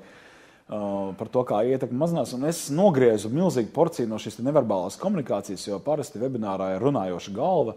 Nu, ne visiem ir iespēja tikt pie tādas profesionāli iekārtotas studijas, kādā mēs esam šodien, kad redzam kopumā mūsu tēlu, mūsu žestus un tā tālāk. Uh, Um, tāpēc es nogriezu milzīgu porciju no šīs neverbālās komunikācijas, kad paliek tikai uh, mīmikas un tas acu kontakts. Un arī ar to acu kontaktu reiķiniet, ja jūs skatāties ekrānā, kur jūs redzat savus klausītājus, jūs visticamāk neskatāties kamerā.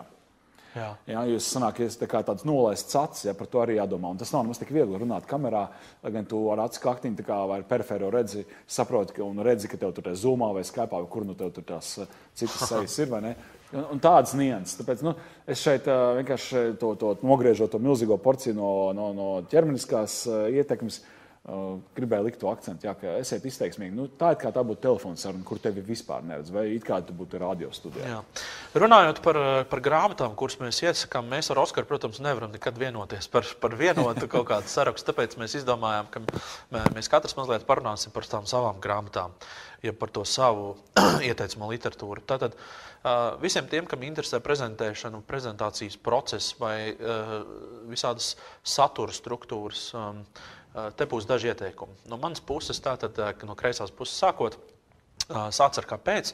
Simons Sineks, slavena grāmata, slavena arī TEDx runa. Mm. Jūs varat varbūt tādu pavisam īsu kopsavilkumu atrast vienkārši YouTube, ierakstot Start with Why.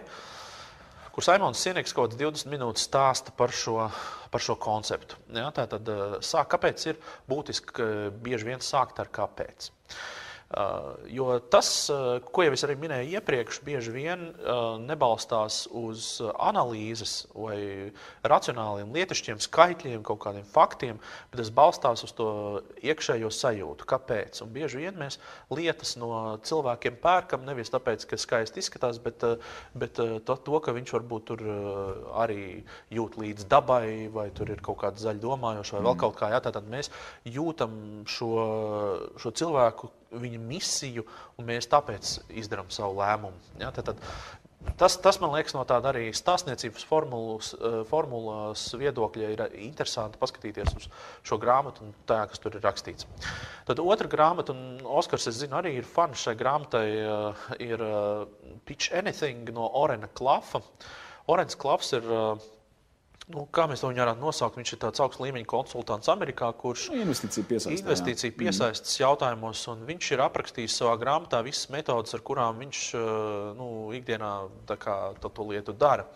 Un tad, kad es šo grāmatu lasīju, man patiešām nu, dažās vietās bija zosādi, jo es, mm jo es sapratu, ka ka, nu, ja es kaut ko tādu darītu, ja, droši vien man izmest ārā no, no, no, no, no, no telpas un nekad vairs atpakaļ neaicinātu. Tagad tur ir tādas lietas, kuras bieži vien, tad, kad cilvēks nostaigā uz robežas ar varbūt nekaunību vai vēl kaut ko, mm -hmm. bet uh, atceramies, kā man patīk Oskara teiciens, mēs peldam ļoti uh, asiņainos ūdeņos, ja? īpaši kor korporat korporatīvajā vidē. Tad tu esi minējis tādu, jā, tātad asiņainu, asiņainos okeānos. Jā, jā, tātad, jā, okeāni, jā. tātad tas stāsts ir par to, ka bieži vien mums ir nepieciešams aizdzīt to savu uh, nu, to, to, to, to, to prezentāciju līdz tādam, nu, tādam varbūt tādam mazliet nokaitinātākam nokaitinātākai situācijai.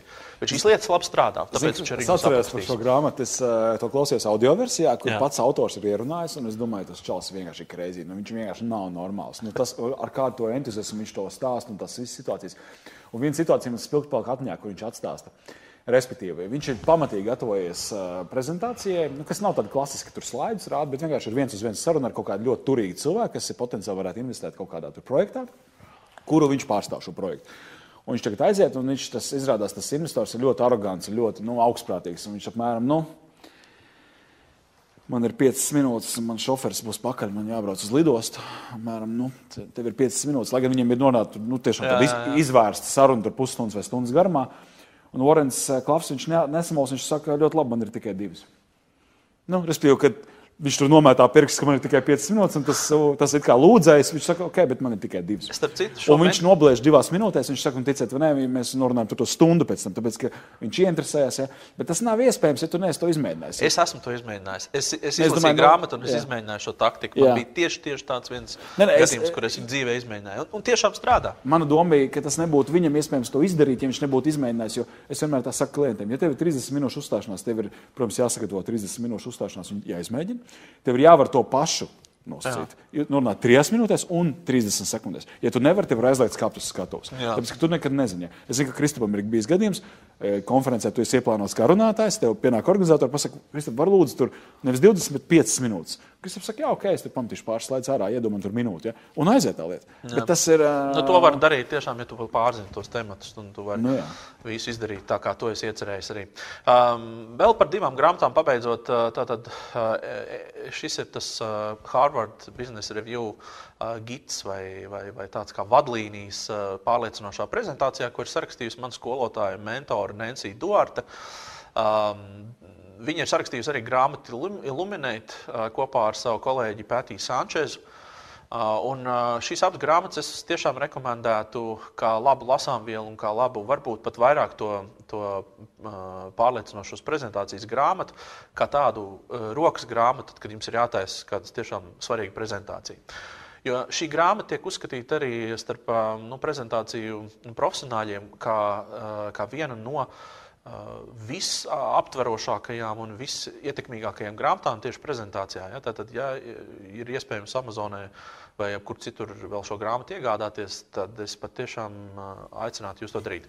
Illuminate savukārt ir grāmata, kura ir vairāk domāta nevis tā kā prezentēšanai un prezentācijai, bet vairāk līderiem, uzņēmumu vadītājiem ar domu, kā es varu saviem darbiniekiem vai sabiedrībai vai klientiem pārdot nu, tā kā tādas uh, neērtas lietas. Jo bieži vien dzīvē ir tā, ka uh, jūs nonākat kaut kādā posmā, un tad tie darbinieki īsti vairs jums vai netic vai nepavalks līdz tai jūsu idejai. Un, un, un jūs esat tieši tajā posmā, ka vajadzētu iet uz to nākamo lecienu, ka vajadzētu taisīt to nākamo vilni. Un jums ir jāpārliecina tie cilvēki, kuri jau ir, ir iesīkstējuši mm. pārlekt ar jums kopā tajā nākamajā vagonā, vai uzsākt kādu jaunu projektu, vai atvērt kādu jaunu prog programmu, vai, vai, vai uzsākt kādu jaunu produktu, pārdot. Tātad, Kā šos mirkļus vislabāk komunicēt? Un Nancijai Duartei ir ļoti labi piemēri ar ceremonijām, ar simboliem, uh, kurus vienkārši korporatīvā vidē izmanto, lai panāktu šo vēlamo rezultātu. Ir viena no ceremonijas piemēra, ka es domāju, ka cilvēki nesaprot šo vārdu Ceremonija. kontekstā, kā tu to uh, vienkārši, nu, piemēram, klasiski atkal atgriežamies pie Steve Jobs, tad, kad viņam bija šis šis, viņi no vienas operētāja sistēmas pārgāja uz otru, un tie visi programmētāji bija ļoti skeptiski. Viņi, viņi teica, ka nu, Uh, mēs esam pieraduši, kāpēc tu gribi kaut ko tagad jaunu, tur pieslēgsimies internetam, vēl kaut kam, kāpēc tu gribi kaut kādu tādu lietu, kuru tie cilvēki nesaprot. Mm -hmm. Mums jau ir forši, laba, nu, kā, bet Steve's Jobs redzēja, ka šī lieta nomirs, ja mēs viņu turpināsim. Mūsu konkurenti būs, būs uh, mākonī, un ja mēs tajā mākonī nebūsim, tad, uh, tad, tad mūsu operatāja sistēma nomirs. Un viņš to redzēja, bet viņš nemāk, ne, nu, nevar pārdot viņiem tiešā veidā, tā uzrakstot tādu memo. Vai, mm -hmm. Tas nav iespējams. Un tas, ko viņš izdarīja, viņš uz skatuves uzkāpa ar rozi un ar to lielo kasti, kas ir Makojas 9. Man liekas. -hmm. Viņš uzkāpa tā, tā, tā vecā operētāja sistēma. Yeah. Viņš uzkāpa un viņam pēkšņi uz skatuves parādās stikla zārks. Mm. Viņš to kasti ieliek iekšā zārkā, aiztaisa vāku cietu, uzliek rozīti pa virsmu un nolasa to nekrologu. Kamēr viņš lasa to nekrologu šai operētāju sistēmai, tā, tā, tā, tas zārks no, no ar visiem dūmiem noiet lejā pazemē. Un visi tie, visi tie klātesošie, tie programmētāji skatās lielām acīm, tāpēc ka viņi ir piedalījušies bērēs. Viņi ir redzējuši, ka Steve's Jobs ap, nu, apbērē to veco operētāju sistēmu. Un tad viņš piesaka to jaunu operētāju sistēmu. Tātad, ko tas nozīmē? Tas nozīmē, ka tu biji piedalījies bērēs, nu, tu redzēji, ka tas nelaiķis aizgāja prom. Ja? Nu, tu, mēs par viņu vairs nerunājam, tad viņš vairs nav dzīves. Viss, jā. viņš ir beidzies. Ja? Ir tagad atkal kaut kas jauns. Un tā ir ceremonija, kas, uh, labi, es izstāstīju tādu atkal ļoti pārspīlētu nu, piemēru, tāds, jā, bet, uh, bet vienkārši, lai jums dotu ideju, kā, mm kā var izmantot prezentācijās mazliet varbūt tādus teatrālus aktus, bet uh, Bet šajā grāmatā ir ļoti daudz kas aprakstīts. Mm. Kā, tur Forši. ir tie piemēri daudz. Labi. Tas no manas puses. Tas no tās puses. Man arī ir četras grāmatas. Man Kristofers Līka sagatavoja, ka iedomājos četras grāmatas, tas ilgs prezentācijā. Nu, tas nebija sarežģīti. Patiesībā es iedevu vairāk, un tu pēc kaut kādiem kritērijiem, nezinu, pēc kādiem es izvēlējies. Tu, jā, tu izvēlējies četras. Tad redzam slaidā manas izvēlētās grāmatas. Un, um, es varbūt sākšu no labās puses. Mārtiņš Vecvanaks, ap citu arī LTRK semināros, webināros ir redzams reizēm. Oh Viņš ir uh, sarakstījis grāmatu, viņš patiesībā iedvesmoja man arī rakstīt grāmatu. Es esmu ticis tik tālu, ka man ir piecas lapas puses rakstīts. es tam vakar, es, e, vakar es uh, Mārtiņu Facebookā skatījos, un es viņu noturēju par Johnu Travoltu. Ah, viņam ir tie garie mati tagad. Jā, jā, jā. jā, jā. Nu, jā. Sveiciens Mārtiņam. Jā, sveiciens Mārtiņam. Mārtiņš sarakstīs uh, grāmatu darījumu sarunas. Man gribētos to grāmatu nosaukt par uh, kaulēšanās grāmatu. Un tas ir tik forši, jo tā grāmata ir latviešu valodā. Latviešiem ar to kaulēšanos nu, ir tā kā ir, un ļoti daudz arī atzīst arī par sevi, ka nu, es nemāku kaulēties, es pērku par tādu cenu, kā, kā, kā, kā prasa un tā tālāk. Un, un šī grāmata patiesībā ir kalpo kā tāds mazliet tāds, uh, nu, dzinulis vai, vai nu, tāksim, stimuls domāt, nu, kā jūs varat. Jo ne, ne jau vienmēr stāsts ir par cenu, tu jau vari kaulēties arī par termiņiem, tu vari kaulēties par apjomiem, tu vari kaulēties par, par, ja tu pēc šo paņem arī šo līdzi. Nu, tur ir visādas lietas, ja, un tādā ziņā Mārtiņam šī darījuma saruna pieredze ir liela, un viņš ir to salicis foršā grāmatā. Nākamā, ko mēs redzam slaidā, ir, nu, ir Bībele. Es teiktu, tiem, kam interesē neverbālā komunikācija, jo tai ir liela ietekme. Es iesaku izlasīt šo grāmatu. Savulaik bija tulkot arī latviešu. Cik zinu, visa tirāža ir izpirkta un nav pieejama. Varbūt kaut kur bibliotekās ir dabūjama latviešu. Uh, Alans un Bārbara Pīzi. Tas ir tas čels, kurš bija Latvijā. Viņš bija arī Latvijā, viņš jau tur stipri gados ir tāds. Bet nu, grāmata šī radīta ir diezgan sen jau, es teiktu, pāris dekādas noteikti.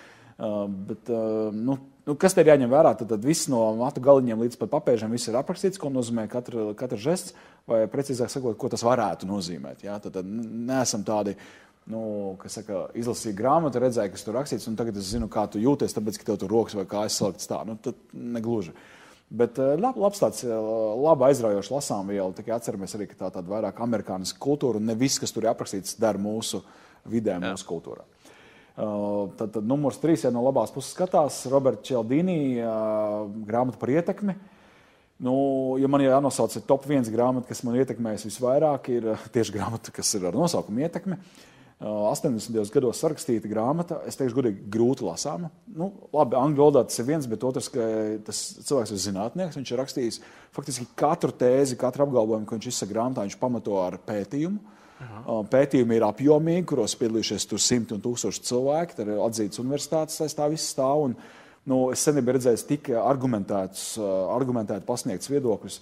Tur ir sešām pamatlietām viņš iziet cauri, kas ietekmē cilvēkus. Ja? Pētīts tādas lietas, piemēram, iela, Luksafors gājēji. Ja ir kaut kāds cilvēks, iet pie sarkanā, es atzīšu, uz sarkanā mēdz darīt, nu, ja nebrauc jā, mašīnas. Jā. Ja. Un ir pētīts, ka, e, kas notiek, ja nu, visi stāv un viens iesūdzītais aktieris, piemēram, iet pāri ielai, cik viņš parauja līdz procentuāli pārējos. Nu, kaut kāds procents tur sanāk. Un kas notiek tad, ja cilvēks policista formā pie sarkanā iet pāri, un ka šis procents pieaug daudzkārt, tāpēc ka forma, policista Jā. forma, ieramētie pleci, visas zvaigznes, tur viss tumšs zilā krāsa. Tas viss ietekmē cilvēku. Šādas nianses ir aprakstītas šajā grāmatā. Nu, es teiktu, ik pa pāris gadiem tā grāmata ir jāpārlasa un ir fantastiska literatūra. Nu, lūk, un, Noslēdzošais, tad Toklēk Ted, Karmins Galo, viņš ir arī mans, Forbes, mans labs kolēģis un paziņas. Jā, Forbes arī, viņš zina, zin, ka viņš raksta un ļoti jā. atraktīvs arī runātājs, varat atrast YouTube viņa dažādas video, tādas kā mazas sižetiņas par to, kā, kā prezentēt, kā uzstāties. Ļoti, ļoti atraktīvs. Un viņš ir izdarījis milzīgu darbu. Viņš ir noskatījies un izanalizējis ļoti daudz TED runas. TED ir tas konferenču formāts, kur tipiski 15-18 minūšu laikā speciālists attraktīvā veidā pasniedz kaut kādu savu ideju. Un, un, un, un, un, un lasot šo grāmatu, ir burtiski tā, ka tu faktiski redzi. Nu, viņš tik dzīvi ir aprakstīts, ka tu pat neskatoties noteikti runu YouTube vai, vai TED lapā, tu pilnīgi redzi to, kāds ir noticis uz skatuves. Un, un reizēm pat tik ļoti aizrauga, ka tu uzmeklē to runu un izlasot analīzi, analīzi pēc tam noskaties to runu un tad skatoties, tu jau pievērs uzmanību tām lietām, ko viņa Karmins Galo ir aprakstījis savā grāmatā. Ļoti vērtīga. Uh, starp citu, šis ir fantastisks mirklis. Man, mums Endija ir uzdevusi jautājumu par politiķiem un valsts vīriem, uh, kas komunicē ar tautu. Un Karmainam Galo es zinu, ka šogad vai nākamgad tieši iznāks grāmata, kur viņš būs analizējis uh, politiķus un, un, un, un, un valsts vīrus dažādās pasaules valstīs, šos populāros runātājus. Uh, un viņu iezīmes un tā tālāk. Tas tā kā arī vienkārši tā kā mēs ar Karmainu strādājam vairākās darba grupās, ģildē, tad, tad nu, es pat zinu, kas, kas sekos. Jā. Jā. Lūk, varbūt pieķersimies dažiem jautājumiem, bet tiešām neveltīsim tam īpaši daudz laika, jo es skatos, jo arī jūsu aktivitāte ir mazliet apsīkusi. Nu, 5 minūtes mums ir vai ne apmēram. Lai... Nu, mums arī nav ļoti daudz sabiedrisko jautājumu. Jā. Endija šeit prasīja par valsts vīriem, valsts sievām, vai esat novērojuši, kurš pēc mūsu ieskatiem to dara uh, nu, labāk un prasmīgāk runas pasniegšanas ziņā. Un, un tā. Šo, es atzīšos, šo jautājumu ļoti bieži uzdod mums dažādos treniņa grupās un semināros. Tas ir normāli, ja cilvēki grib nu, tādu kā paraugu, uz ko skatīties. Ja? Un es, es parasti saku tā, ka sākam ar balsi, nu, es vienkārši pārstāvu savu nometni. Ja? Ieslēdzam, nezinu, stāra fēnu, paklausāmies, kā Egons Reiters runā no melodijas viedokļa. Fantastiski, ja man ir sajūta, ka viņš runā tieši ar mani. Tas nekas, ka vēl tūkstoši dzird to. Ieslēdzam raidījumu Monopols Latvijas radio, kuru Arita Grīnberga vada ik pārnedēļas un paklausāmies, kā viņa veido savas runas melodijas. Arnēs Krause televīzijā, es nezinu, vai vēl ir, bet tas ir, ir, jā, ir, jā, ir, jā. ziņas lasē. Ja. Viņam vispār nav kur piesēties pie melodijas. Haralds Barkovskis tagad varbūt mazāk eh, televīzijā, bet vairāk ir dažādos pasākumos. Ja. Ļoti, ļoti uh, prasmīgi spēja demonstrēt caur tonalitātēm, ka doma vēl nav beigusies, ka viņam vēl ir ko teikt, un tikai tagad es esmu pabeidzis savu domu. Tā kā no balss viedokļa šie cilvēki, nu, vēl virkni citu droši vien, no politiķiem un valsts vīriem, valsts sievām, Um, es, es gribētu pasvītrot uh, kariņu nosvērtību un arī kaut kādu spēju pasmaidīt grūtā situācijā un, uh, un spēt uh, uzkonstruēt sakarīgs teikums arī, kad viņš ir manām satraukts. Ja? Tas, ir, uh, tas ir novērtējums. Plus vēl var just viņa Amerikas izglītību, Amerikas uh, vidi un to ietekmi. Nu, ietekmi. Ne tikai tajā, ka viņam mazliet ir izloksne vai, vai akcents, kā mēs to varam nosaukt, bet arī nu, vārdkrājuma izvēlē un arī nu, veidā, nu, ka tas nav, nav tā arogance, nav tā augstprātība un pārākuma sajūta. Ir sajūta, ka viņš tiešām nu, grib ne tikai, lai viņi saprotu viņa teikto, bet arī viņš grib, lai, lai, lai visiem ir labāk. Un, sapcīt, no satura viedokļa viņš arī ir uzsakāms tā, no tāda viedokļa, ka tu pat biji analizējis viņa uzstāšanos Eiropas parlamentā, Jā. kas patiešām, man liekas, bija viena no, vien no veiksmīgākajām viņa runām, kāda ir, kāda ir bijusi. Un, un es burtiski nedēļas divas pēc tam viņa televīzijā satiku, un es saku, nu, premjerkungs, nu, tā kā viss cieņa par to Strasbūrā šķiet tā bija, vai, vai Briselē nebūtu svarīgi. Tā uzruna, kur viņš tā kā Nu, jo daudz Latvijai pārmet to netīrās naudas mazgāšanu un to. Un viņš teica, ka, nu, ka tās eh, žurkas jau mēs varam dzīt no viena pagāma ārā, bet patiesībā visai Eiropai ir jāstrādā uz to. Jā, jā, jā. Un viņš izmanto šo metaforisko izteiksmes līdzekli par žurkām, kas patiesībā ir nu, diezgan tāda jā, jā. Nu, tā asociācija ar žurkām parasti nav cilvēkiem laba. Un viņš to tik smagi pateica, ka atrodiet YouTube, noteikti var atrast šo Kariņu uzrunu. Tas bija pirms pāris gadiem. Um, Tur, tur, tur ir tā jauda ielikt tieši tajā, ka viņš, viņš man pēc tam teica, viņš saka, ka viņam bija kaut kāda doma sagatavot, viņš viņu nolika malā, viņš vienkārši runāja no sevis. Jā. Līdzīgi kā Vairvīķa Freiberga izdarīja tajā slavenajā runā, Nā, kad jā. eh, NATO, NATO, jā. uzņemšana NATO. Tā vispār ir tā jumta. Tas ir, tas ir kaut kas fenomenāls. Tas ir, no, ja Latvijā mēs tā skatītos kaut kādas runas, tad uh, Jā. šī runa būtu manā top trīniekā. Kurš gads tas bija? Tas bija vēl pirms uzņemšanas. Tā, jā, jā, tas bija Ceturtajā gadā mums uzņēma. Nu, Trešais, otr, otrais, trešais. Jā, varat atrast tādu Vairvīķa Freibergas uzrunā. Tas bija. Prāgas, man liekas, samits tas bija. Jā. Bet no aktuāliem, kas tev nāk prātā vēl bez premjera? Man, man, es nezinu, kāpēc, bet man patīk, kā Ulrichs Pīlēns runā. Uh, viņš runā uh, varbūt no tava viedokļa skatoties monotoni, bet, uh, bet, uh, bet jā. man, patīk, man patīk tur tas viedums, man patīk tas balss uh, tonis, man patīk, uh, protams, ka saturs. Tā kā es varbūt esmu vairāk tāds, kas saturam pievērš uzmanību, man, man, protams, ka es dzirdu un jūtu to, to izteiksmīgumu, un, un to balsu un to varenību. Un tas, protams, ir ok, bet, uh, bet, bet, bet ja man par politiķiem Bet vai nav, jārunā- pabeidzot ar pīlēnu, vai tev nav tāda stereotipizēta uztvere, tāpēc, ka viņš ir daudz sasniedzis, tāpēc viņš vienkārši augstāk vērtē arī automātiski viņa saturu? Nē, man vienkārši Viņš ir patīkam, patīkam neizteiksmīgs. ir klausīties. Ļoti, es viņu redzēju uz skatus. skatus un, jā, saturs forši, bet eh, nu, man bija ļoti jāpiespiežās, lai būtu nu, ar vieglumu sekot. Nu, nav, tas, nav tā iznesīguma, nav tā enerģija, nav tas. Zini, kā, Ir, tas tā, tas ir viedums, stāsts- viss tas ir, jā, es piekrītu, jā, par saturu. Viss tas ir tas stāsts par to, jā, ka ir kaut kāda, varbūt, kas ir tev cilvēki simpātiskāki. Ir tādi cilvēki, mm. kur varbūt uh, tu liekas, ah, nu, viņš ir tur varbūt augst, augstprātīgs vai kā. un Tad tu tādās kategorijās arī vērtē. Bet, ja man ir, es, es saku, tas ir tikai subjektīvs vērtējums. Protams, protams. Es pat nevaru īstenībā atrast varbūt, tādu racionālu izskaidrojumu mm. arī tam. Vēl kāds? Uh, Tas, tas tāds. Nu, zin kā, uh, es zinu, ka es kaut ko pateikšu, un tu te, teiksi, jā, nu, ka, kā, kas un kā, bet nu, Artus Kaimiņš, kad no saimnes tribīnas runā, jā, uh, nu, skaidrs, ka tu saproti, ka viņš ir aktieris. Nu, kad viņš ir, Viņš ir uh, trenēts viņš ir aktieris. trenēts, Jā. viņš zina.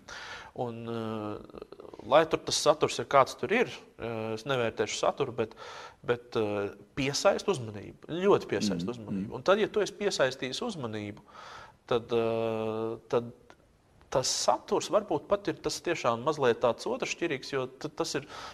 Tu, tu atkal jūti to, ka, ja man patīk tas runātājs, viņš tā kā runā, man ir tāda diezgan viegla, viegla sajūta, viegla uztveramība.